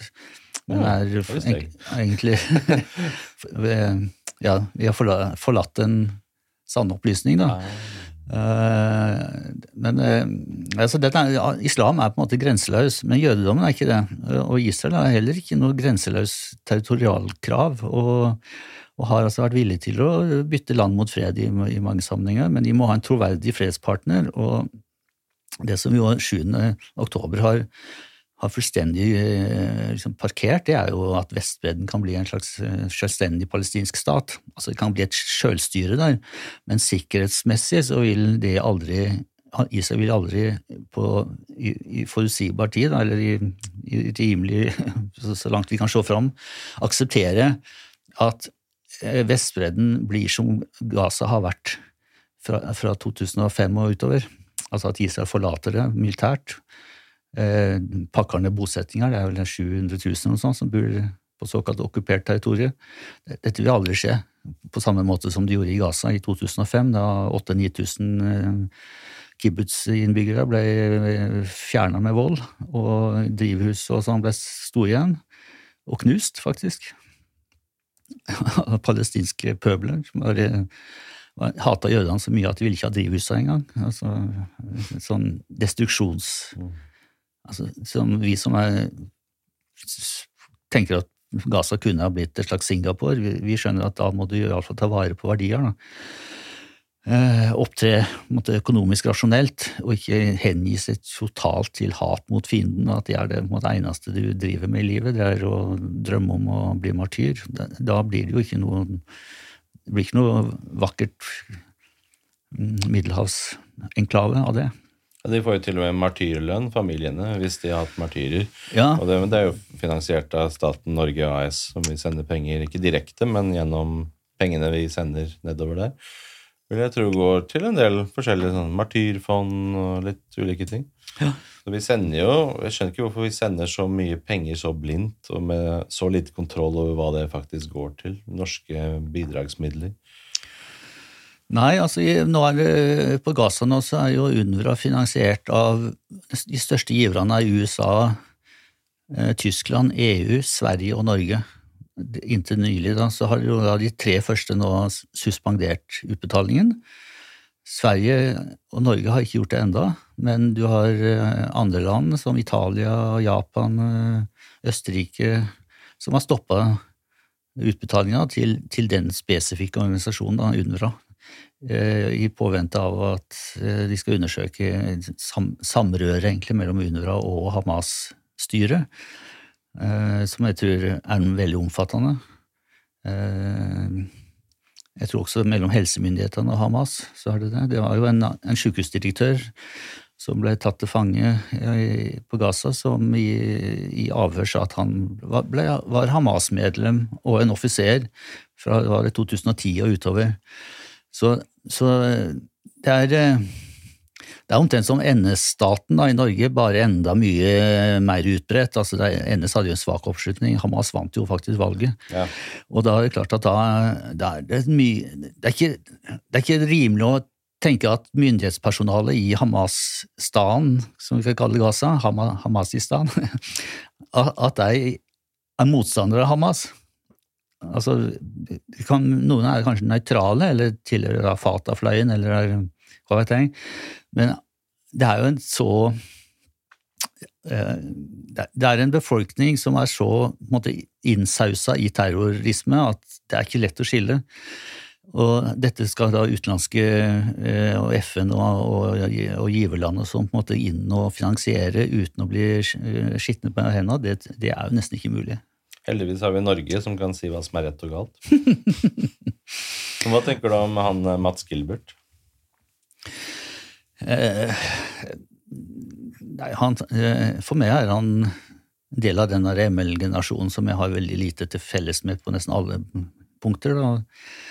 Og eh, at han har valgt eh, Palestina-saken som sitt liksom, humanitære eh, eneste egentlig humanitære prosjekt, så vidt jeg har skjønt, som, som krigskirurg eller han er anestesilege. Det, det, er jo greit, altså sånn, men den måten han har politisert det på og driver liksom, folkeopplysning rundt det, det tror jeg har vært en del av jeg følte det, det har vært en, en del av den, det som har endt opp i demonisering da, av, Israel, og en, en fullstendig sånn altså, eh, god en, en, en, en, reinvasking av palestinsk terrorisme og måte, måte å føre, føre, sin nasjonale kamp på. Altså, det er eh, Så, så ja, nei, jeg har ikke så veldig sans for, eh, for han. og Jeg tror han har gjort stor Det som er litt pussig her òg, sånn paradoksalt, er jo at sånn som Gilbert som, som innrømmer altså, at han, Jeg tror han har en subjektiv eh, eh velvilje da, for det palestinske folk og sånn. Eh, det er ikke noe tvil om det, men jeg tror objektivt sett så er sånne som han vært med på å forlenge lidelsen for han låser fast den, den palestinske befolkninga til en evig kamp mot eh, terrorsettlerstaten Israel, som som sagt ikke er som Israelerne er ikke som franskmenn i Algerie. Altså, du kan ikke gjennom terror kvitte deg med Israel. Det må skje gjennom en, en vanvittig konvensjonell eller nukleær krigføring som vil sette hele regionen i brann. For at Israel har en formidabel militærmakt, og den kommer ikke til å gi seg frivillig. Så det å, det å liksom oppfordre palestinerne til å liksom fortsette denne væpna kampen, ikke mot okkupasjonen av Vestbredden av Gaza, men mot Israel som stat, det er jo det som er, det er jo det i, praksis mange palestinavenner egentlig oppfordrer til. Det er, å, det er, å, det er som å be folk, både sivile og, og og bevæpna å springe mot mitraljøsen. Ja, jeg kan ikke skjønne at, at, at Gilbert og andre da gir palestinerne en tjeneste. Hva syns du om Palestinakomiteen? Nei, det er, er, jo veldig mye det samme. Altså, jeg, jeg, leser ikke fast hjemmesida til Palestinakomiteen, men eh, eh, så jeg, jeg, jeg, jeg, regner med at det resonnementet rundt Gilbert treffer Palestinakomiteen omtrent på samme måte. Eh, altså et, en, altså alternativt scenario for palestinerne, som, er, som er da, som sagt Jeg regner de som fullverdige medmennesker. Eh, det, er noe, det er ikke noe galt med, med palestinerne som sådan, men jeg tror ikke de er en er et eget folk som klarer å, å danne en stat, og slett ikke på Gaza og Vestbredden, som i seg sjøl er to ulike politiske kulturer. ikke sant? Fatah og Hamas er, viser seg å være dødsfiender, egentlig, da Hamas vant valget på Gaza og, og skøyt og drepte og, og kasta eh, PA, eh, og sånn ut av tak, ut fra taket. Så, så, så, det er ikke noe samarbeid. De har ikke klart å, å å velge ny president. ikke sant? Abba sitter eh, etter 20 år i presidentembetet, så det er liksom helt dødt, det samarbeidet mellom Vestbredden og Gaza. Og Hamas er vel i ferd med egentlig å skvise Fata også ut av Vestbredden. Så, og, det, det, vil aldri Israel akseptere, at det blir en del av et ja, Hamas-styrt Palestina. Det, det kommer ikke på, vil aldri skje. Og så det falt det litt ut. ja, vi var på Palestina-komité, og så Hamas, Fatah eh, og Vestbredden. Ja, iallfall den, den det, Ja, nå kommer vi på det. Altså den eh, det Alternativet her for palestinerne, og ikke som folk, men som individer og familier, det ville jo vært den vanlige Eh, skjebnen da, til, til, flyktninger etter annen verdenskrig, nemlig at de ble reetablert andre steder og danna, slo, slo, røtter der på nytt. Eh, for eksempel så var det en uh, australsk uh, person som viste til at bestemora var en, en jøde som unnslapp Polen og flytta ut i, i, i 38 til Australia. Og så har jo han blitt australier med jødisk bakgrunn, og det er jo ikke noe dårlig liv han syntes jo det var en, en fin skjebne. Men i, i, Palestina eh, der beholder vi vi holder de fast da, på denne landstripen, denne landsbyen jeg en gang kom fra, selv om de er oldebarn.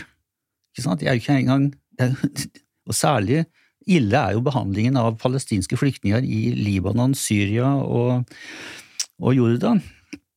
Det blir holdt i en statsløs flyktningstatus uten framtid. Altså de burde jo for lengst ha blitt nat naturaliserte, som det heter, blitt gjort om til statsborgere. Men av denne grunnen, nemlig å holde dette presset på Israel som stat, jødestaten, oppe, så har de, mange av disse statene da ikke ønska å naturalisere flyktningene. Og, og, FN har godtatt det. Som den eneste flyktninggruppa, egentlig, så, så, kan du fortsatt bli født som flyktning. Hvorfor godtar de det? Nei, Det er igjen dette med at Palestina er liksom sånn enestående offergruppe som vi som på en måte får en slags spesialbehandling. Kanskje vi ønsker å holde dem fast der for å opprettholde vårt eget narrativ? Ja, altså I Israel så vil de si eh, kanskje at uh, spekulerer i at uh, dette gjør de fordi verden er imot den eneste jødiske staten. Så det er og eh, det er jo ingen land som har flere resolusjoner mot seg enn Israel, ikke sant? for alle mulige brudd på ditt og datt. Eh, så, så sånn Kjøttvekta i FN, generalforsamlingen der, er jo veldig på parti med da, eh, muslimske stater og, og, rike oljeland, og så mange land som er klienter egentlig av som er avhengig av sånne relasjoner. Og, og, ja, det er vel 60-70% ikke-demokratiske stater i styret, da, på en måte, i FN. Ja. Mm. Men det, altså, Hvis en da tenker på den palestinske eh, altså arabere da, som bodde i Palestina La oss eh, se det på den måten. I 1947 Eh, så var jo, da, var det, da, da het jo dette Palestina, det palestinske mandatområdet, Palestinian Post, ble jo døpt om til Jerusalem Post. ikke sant? Så Palestinians betydde inntil 47-48 at du kunne være både araber og jøde og kristen og druser og sånn. Beduin. Og så eh, Eh,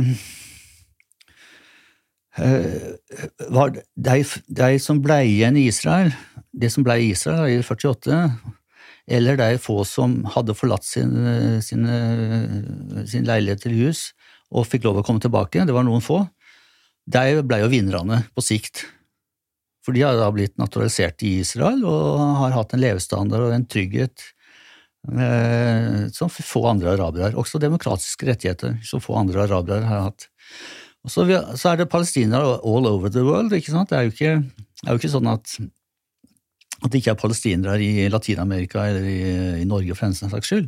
Det merka jo 7.-8. oktober, at det var jo var det 300-400, 200, jeg husker ikke, med, med, norsk statsborgerskap, og som ble omtalt som nordmenn.